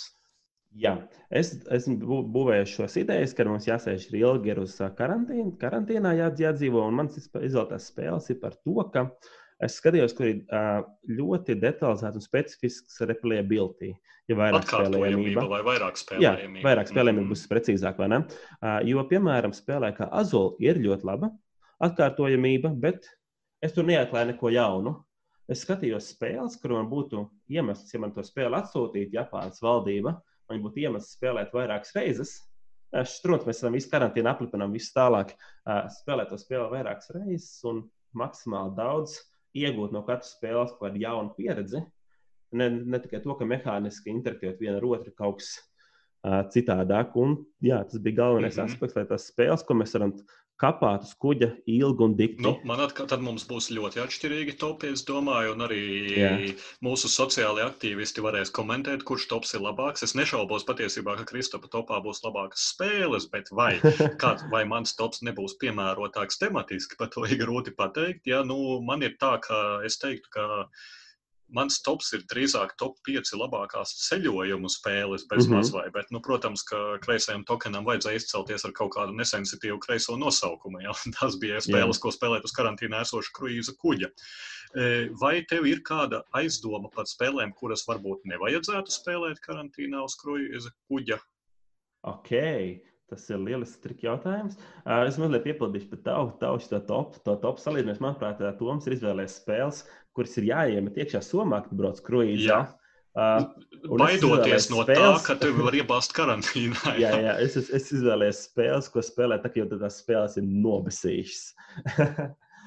uh, ko nevajadzētu spēlēt kruīzes kuģa? Karantīnā esošais kruīzes. Noteikti nevajadzētu pandēmikas. Man arī ir tieši tas pats. ne visi saprastu šo dziļo ironiju, īpaši, ja tu to spēlē publiski. Nu, man liekas, viens ļoti labs piemērs ir Cash and Guns, bet nav teikts, ka ar viņu uzlaist uz kruīza kuģa. Jā, jā. Bet tas arī varētu būt diezgan hilērijos, kad apkārt staigā militāristi, kuri to, kurš nošķaudās tavāts un aizved uz izolāciju, tad tur sēž pariņš, kuri bļaustās un viens uz otru tēmē ar pistolēm. Ja? Tas varētu būt nepārāk iederīgi. Mm, mm. Jā, okay. vai tev ir kāda arī honorable mention? Man ir pieminēšanas vērti. Pieminekļi. Man ir pieminēšanas vērti, paldies Dainai laikam. Eh, man ir pieminēšanas vērti, tātad līdzīgi to iemeslu dēļ, ko es tikko minēju par šo te uzmanības nepievēršanu, Hanabi vai The Mind, kas nu kuram labāk patīk spēles, kur spēlētāji ir mierīgi, klusi savā stūrītī, ja, un īpaši neizceļas, un vienkārši no malas izskatās, ka viņi spēlē kārtis. Ja, nu, es teiktu, tas mhm. tāds diezgan ok.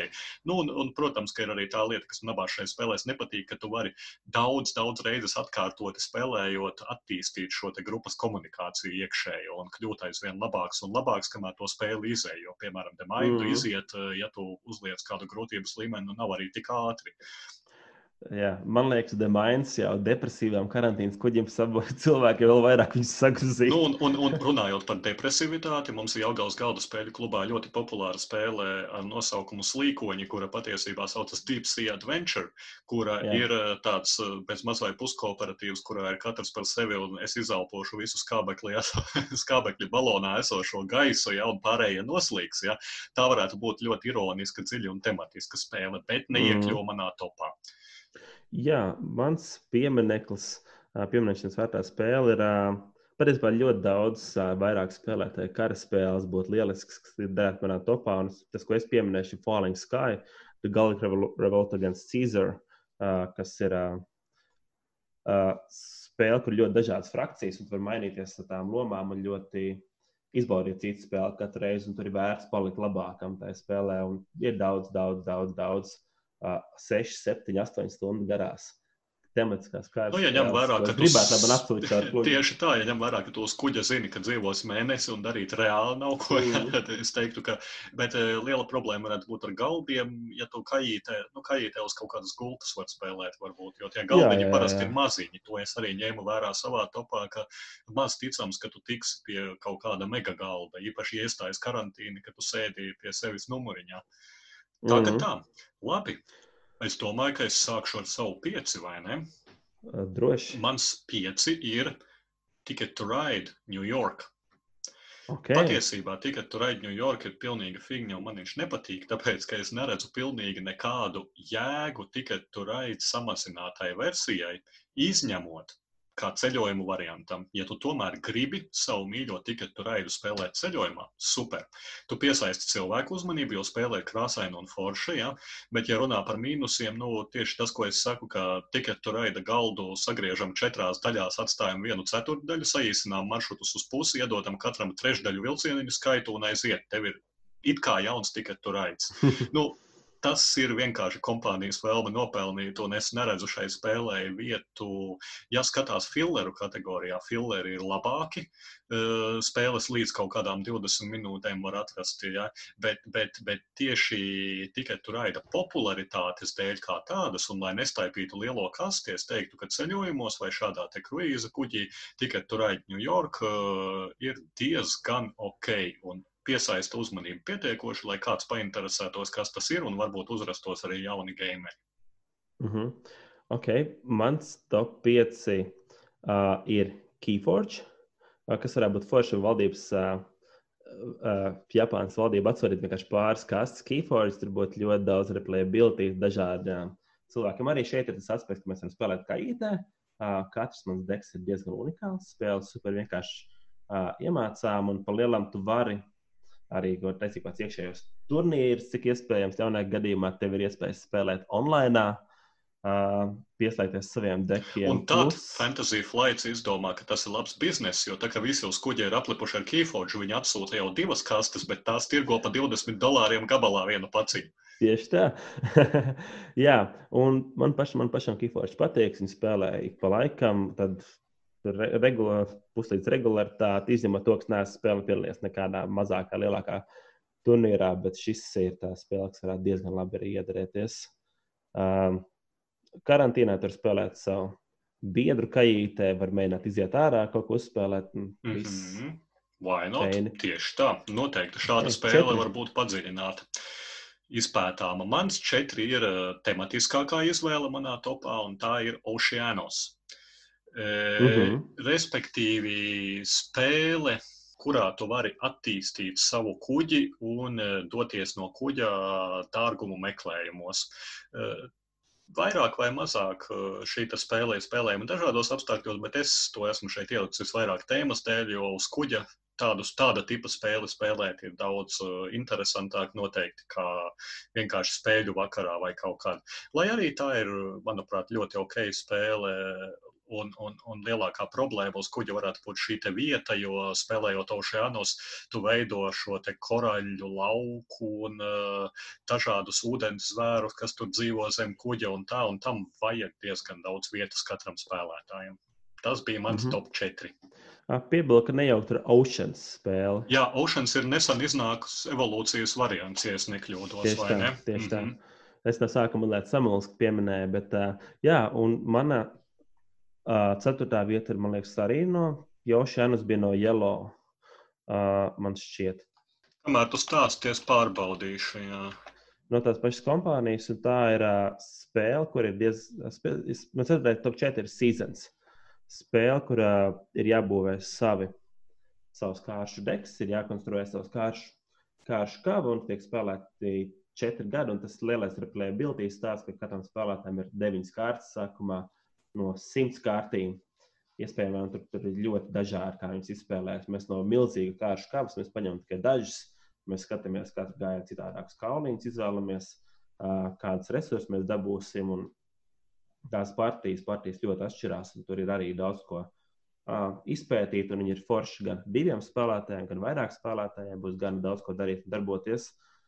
Bet arī aizņem diezgan daudz vietas. Jā, Jā, jā, jā. Jo tās kartiņas, ko tu tur pie sevis veido un būvē, ir paliek aizvien vairāk un vairāk spēles laikā un vairāk. Jā, bet es neko daudz neteikšu. Man nākošais, bet man nākošais top kārta, top spēles saņems vēl vairāk vietas. Ok, tev būs es, mega es, civilization vai, vai ogre. Es uzreiz, jau, es uzreiz jau rēķinos, ka tie cilvēki ir ja viņi ir ieslēgti savā kaitē, viņi ir attā, uzlikuši uz grīdas kaut ko visu. Mm. Vai tas ir liels kruīzs, viņi ir atļauties? Ne, nu, protams, kruīzā, viņi ir atļauties arī kaut ko normālu normāli, normāli piesaistīt. Nu, un, ja ņem vērā, ka visi sēž kājītēs, jo ir karantīna, viņi var vienkārši aiziet uz kādu no restorāniem, ne, kur cilvēku tāpat jā, jā, jā. nav. Nu, tieši tā, starp citu, Oceanos ir yellow, to tu trāpīji pareizi, bet sezons ir lībeluts. Jā, Pareizi. Ab, abām kompānijām ir tāda interesanta jā, jā, jā, tās spēles. Okay, mm -hmm. man, mhm. man, mana trešā spēle ir tieši, lai uh, cilvēki atcerētos, ka var būt arī sliktāk. Un uh, tā ir spēle, kur arī Latvijā nesen ir kļuvusi ļoti populāra, kas ir Shit Happens. Aha. Tā ir eh, viesību spēle, ballīšu spēle, kuras mērķis ir izveidot uh, rindu no desmit dažādām mēslainām situācijām, kurās tu vari iekļūt, uh, bet lai šī rinda atbilstu kādam amerikāņu iedomātam reitingam. un, un, un, un tas, kurš pirmais šo rindu izveidoja, Tas arī spēle uzvar, un tās situācijas tur ir dažādas. Nezinu, piemēram, atradi savu vecāku porno internetā, vai arī uzčurāju uz elektriskā gana, kas ir sliktāk. Ja? Un, un, yeah. un tāda veida, un es domāju, ka tas varētu būt labs atvieglojums uz uh, šāda kuģa, zinot, ka tu esi rīktīgi mēslainā situācijā. Es pat teiktu, ka tādu varētu iedomāties, ka mēs sākam no vidus, vidus ir atrasties uz šī kuģa karantīnā, ja? un tad uh, tas ir 50, ja? un tad domā, vai tu lietas yeah, nākamās kartiņas yeah, yeah. uz augšu vai uz leju. Uh, kā saka, pasmieties par sevi pašam. Ja? Šī happens uh, standarta gadījumā arī diezgan jautra spēle, ja? bet, bet, bet uz tāda kuģa tas varētu būt atsvaidzinoši. Jā. Es pats neesmu šādu spēļu fans, bet tā uh, labā kompānijā viņas ir lielisks. Mm -hmm. Tas uh, to nevar noliegt. Bet uh, tā, kad jūs jau būsiet nospēlējuši. Uh, astoņas stundas shit happens. Tas būs baigi grūti. Man liekas, ka shit happens maksimums ir stunda, un tad tu sāc domāt, ka ir rīktīgi sūdīgi. ok, um, tā kā bet, ja jūs būsiet atspēlējuši astoņas stundas, es ļoti priecīgi, ka beidzot atnāks Japānas valdības liels sūtījums paku. Un mums atnākusi jau kopija Terra Mystica vai Gaia projekta. Pēc tam spēlēs Gaia, tāpēc tā būs Terra Mystica. Uh, Tā ir spēle, kur ir tiešām liels bords. Katrai ir, ja nemaldos, 12 dažādas meža rases pieejamas, un katrai ir mazliet citādākas spējas, kā tādas, kur es varbūt esmu rūķi, un rūķi var izdarīt to. To man, piemēram, ir milzīgs, viņi ir kaut ko citādāk, un viņiem ir liela interakcija, ļoti milzīgs, ārkārtīgi, ārkārtīgi liels dziļums, un tā ir spēle, ko tu vari kapāt. Ja katra partija ir 3-4 stundas, viņi var kapāt pāris dienas no vietas, viņa joprojām būtu būt diezgan interesanti un aizraujoši. Tā kā, jā, Alhailda Terra. Noteikti. Ok, mana otrā vieta ir nopietnā izvēle šajā topā, jo, zināmā mērā, kreisais tokens te var būt nereāli asprātīgos tēlot un tā tālāk, bet uh, Es domāju, ka tāda atrašanās uz kuģa varētu būt reāli drūma. Un, un, un tas, ko es minēju sākumā, ka man būs pie otrās vietas, lai arī tas ir kruīza kuģis vai vēl kaut kas, bet es, man ir nelaba aizdoma, tāda diezgan nopietna nelaba aizdoma, ka tie cilvēki, kas tur ir karantinēti, nav tā, ka viņi staigā savām all-inclusive krekliņiem un aprocītēm un dzer kokteļus uz tā kuģa esot un turpina rīt tā kā normālā kruīzā un, un, un viņiem viss ir super labi. Ja? Tas visdrīzāk, ka tas ir tiešām karantīna karantīnas apstākļi un, un tā situācija ir drūma, īpaši nezinot, ko tu darīsi, kad tu tiksi prom un tā tālāk. Mm -hmm. ja? Un spēle tematiskākā un nopietnākā, ko es šim varēju piemeklēt, ir uh, spēle The Grizzled, kas ir kooperatīvā okay. spēle par uh, draugu, neteiksim, piedzīvojumiem, par draugu pārdzīvojumiem Pirmajā pasaules karā. Pieredzi. pieredzi jā. Un, un, un, un šī spēle parāda to, kā viņi iegūst jaunas paranojas, piemēram, bailes no gāzes uzbrukumiem, bailes no tumsas. Ja? Kāds varbūt kļūst mēms no visām šausmām, ko viņš pieredz karā, bet tā galvenā doma ir visiem kopā spēlē šo karu izdzīvot, lai uh, tiktu uz mājām. Un, un es domāju, ka šis varētu būt viens no tematiskākajiem un nopietnākajām izvēlēm šādā kruīza kuģī arī spēlēt kaut ko uh, smagas tēmas, kooperatīvu, lai cilvēki sajustos, ka viņi ir kopā tomēr un, un, un, un ka ir cerība, ka kaut kad tas beigsies. Vai tu zini, cik Grizzled ir uh, uzvaras uh, procents? Uh, nezinu. es arī nezinu, man liekas, viņam nebija viens no augstajiem. Tas ir, nu, Grizzled var padarīt depresīvu, es domāju, diezgan jā, noteikti, jo tie zaudējumi nāk, bet man šķiet, ka es esmu uzvarējis dažas reizes ka, bet, bet, bet tas ir vieglākajā līmenī. Jo Grizzlies es... ir viens no tiem, kam ir at, ar šī atkārtojumība, es domāju, diezgan augsta, jo var likt klāt vēl un vēl sarežģītību. Mm -hmm. Jā, es ļoti gribētu uzspēlēt Grizzlies. Nē, spēlējis, bet uh, tas ir reta tēma un interesants arī mehānisms, manuprāt, ko vajadzētu pamēģināt. Jā, un jā, man liekas, pievienošu šeit arī Tomam savu, savu otro vietu, jo ejot dziļāk topā, mēs gremdējam cilvēku, es gremdēju cilvēku ar lielākā depresijā par viņu stāvokli. Uh, ja viņiem nospēdēja Grizzly, es piedāvāju otrajā tādu Dead of Winter, kas arī ir par cilvēkiem, kas ir nonākuši. Uh, Šī gadījumā ir pretējā, ja viņi te ir karantīnizēti, viņi nonākuši tie, kas nav karantīnā, bet pēdējie cilvēki no, zin, kā, tas ir tikai tagad, karantīna ar koronavīrusu dēļ. Pēc, pēc gadiem desmit tas mierīgi var būt arī zombiju apakalipses karantīna uz kuģa. Tas pilnīgi reāli, ka tur ir nodevējs, kurš zombijiem ar laivu aizbrauc pakaļ un ieved viņus uz kuģa. Tieši tā, un es iedomājos, cik tās uz tā karantīnas kuģa būtu daudz referents. Viņi dodas slimnīcu, viņi dodas, piemēram, to slimnīcu, viņi varētu ar laiku pateikt, pārsaukt par medbēju, vai viņi dodas uz kafetēriju kā tādu, un tad uh, mēģina atrast kaut kādus citus uh, referents, atsaucas no uh, citiem kuģa pasa, uh, pasažieriem kā tādiem. Jā, Dead of Winter ir uh, zombiju zombi apakalipses spēle, kur ir uh, incidentā detaļa tāda, ka viens no spēlētājiem ir uh, nodevējs, teorētiski, ar kuriem ir kāds mērķis, kuram ir paralēli mērķis, ka visiem pārējiem slikti, slikti beigsies, ja viņš izpildīs to mērķi. Un katram ir savi tādi īpašie mērķi, arī mazliet egoistiskie, tāpēc nekad neesmu drošs, kurš nodevējs.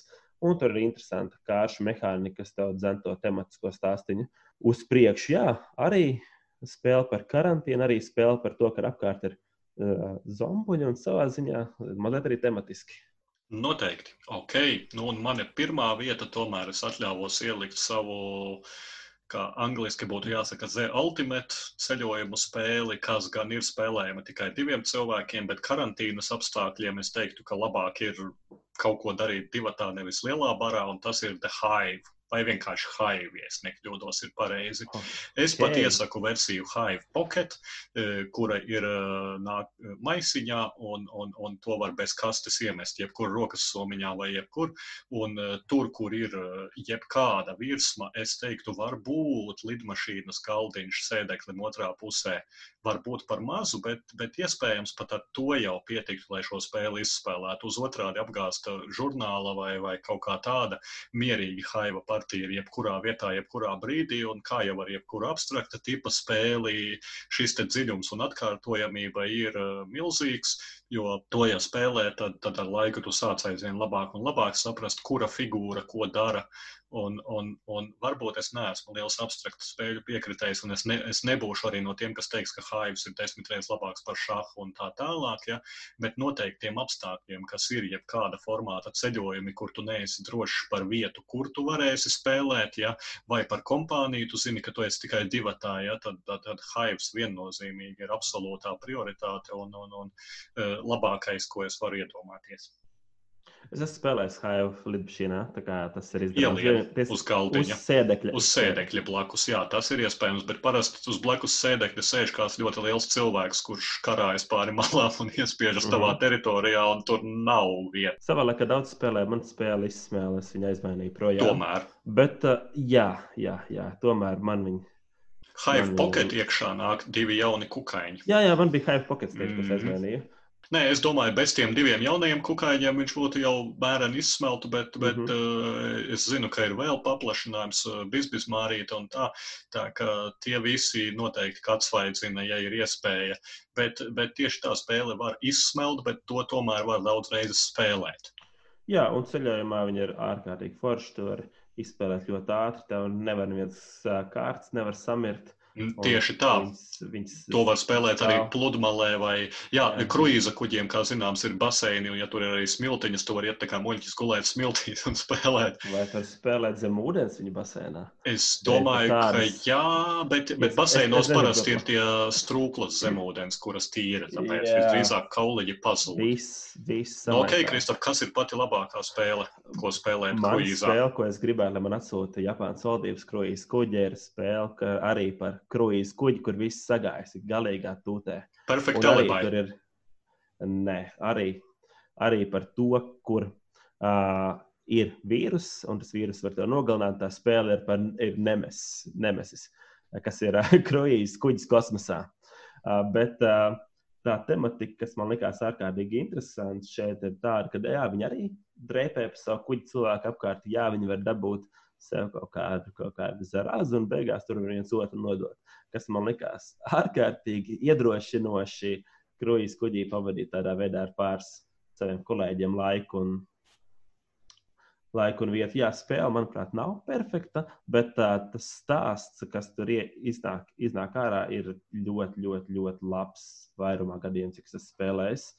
Uh, un, jā, tādā ziņā, Amerikas trešajām spēlēm viņiem ir gan daudz ar izvēles, ko tur var darīt. Un tieši skatoties to karantīnas zonu, tad tie cilvēki arī ir karantīnā. Viņiem ir diskusija, vai viņi to izlaiž uz Marsa, vai viņi to izlaiž uz Zemes. Viņi atnāk kopā un kas viņiem beigās notiek. Un, jā, man liekas, tas būtu forši. Es domāju, ka karantinētā kruīza kuģī vienīgais, kas vēl pietrūks, kad jau tā ir sūdīga, ka kaut kur apkārt tu zini, ka vazājas ēlijas, kurš pa laikam ielautas kādā kaitē un kādu saplosa vai ne. Tas ir tieši jā. tas, ko viņiem vēl vajag. Ok, tas bija mūsu kreisais top 5. Vai Jā. tev ir vēl kaut kas, Kristap, kas tev ir interesants uz mēles? Uz mēles, principā, nav. Es gribētu teikt paldies par klausītājiem, kas klausījās arī otro epizodi. Paldies uzticamajiem faniem. Droši komentējiet, rakstiet. Rakstiet, un... kurš kreisais top 5 jums likās piemērotāks kruīza kuģiem karantīnā. Es zinu, ka Kristapam ir labākas spēles, par to es pat nešaubos. Jā, jā noteikti, noteikti to atbalstiet un sakiet. Un vai arī, ja jums ir kaut kāda jūsu ultimate uh, karantīnas spēle, to noteikti ierakstiet komentāros, un mēs pateiksim, kāpēc jums nav taisnība. Vai, noteikti. taisnība. vai, vai visvairāk mēs jūs ignorēsim, un ja mēs jūs ignorējam, tad jums pavisam noteikti nebija taisnība, un jūs neesat pieminēšanas vērti ar savu karantīnas Jā. spēli. Ok, Jā. labi, pietiek muļķība. Es domāju, ar tā visiem un līdz nākamajai reizei. Sarunāts. Čau, čau. Atā.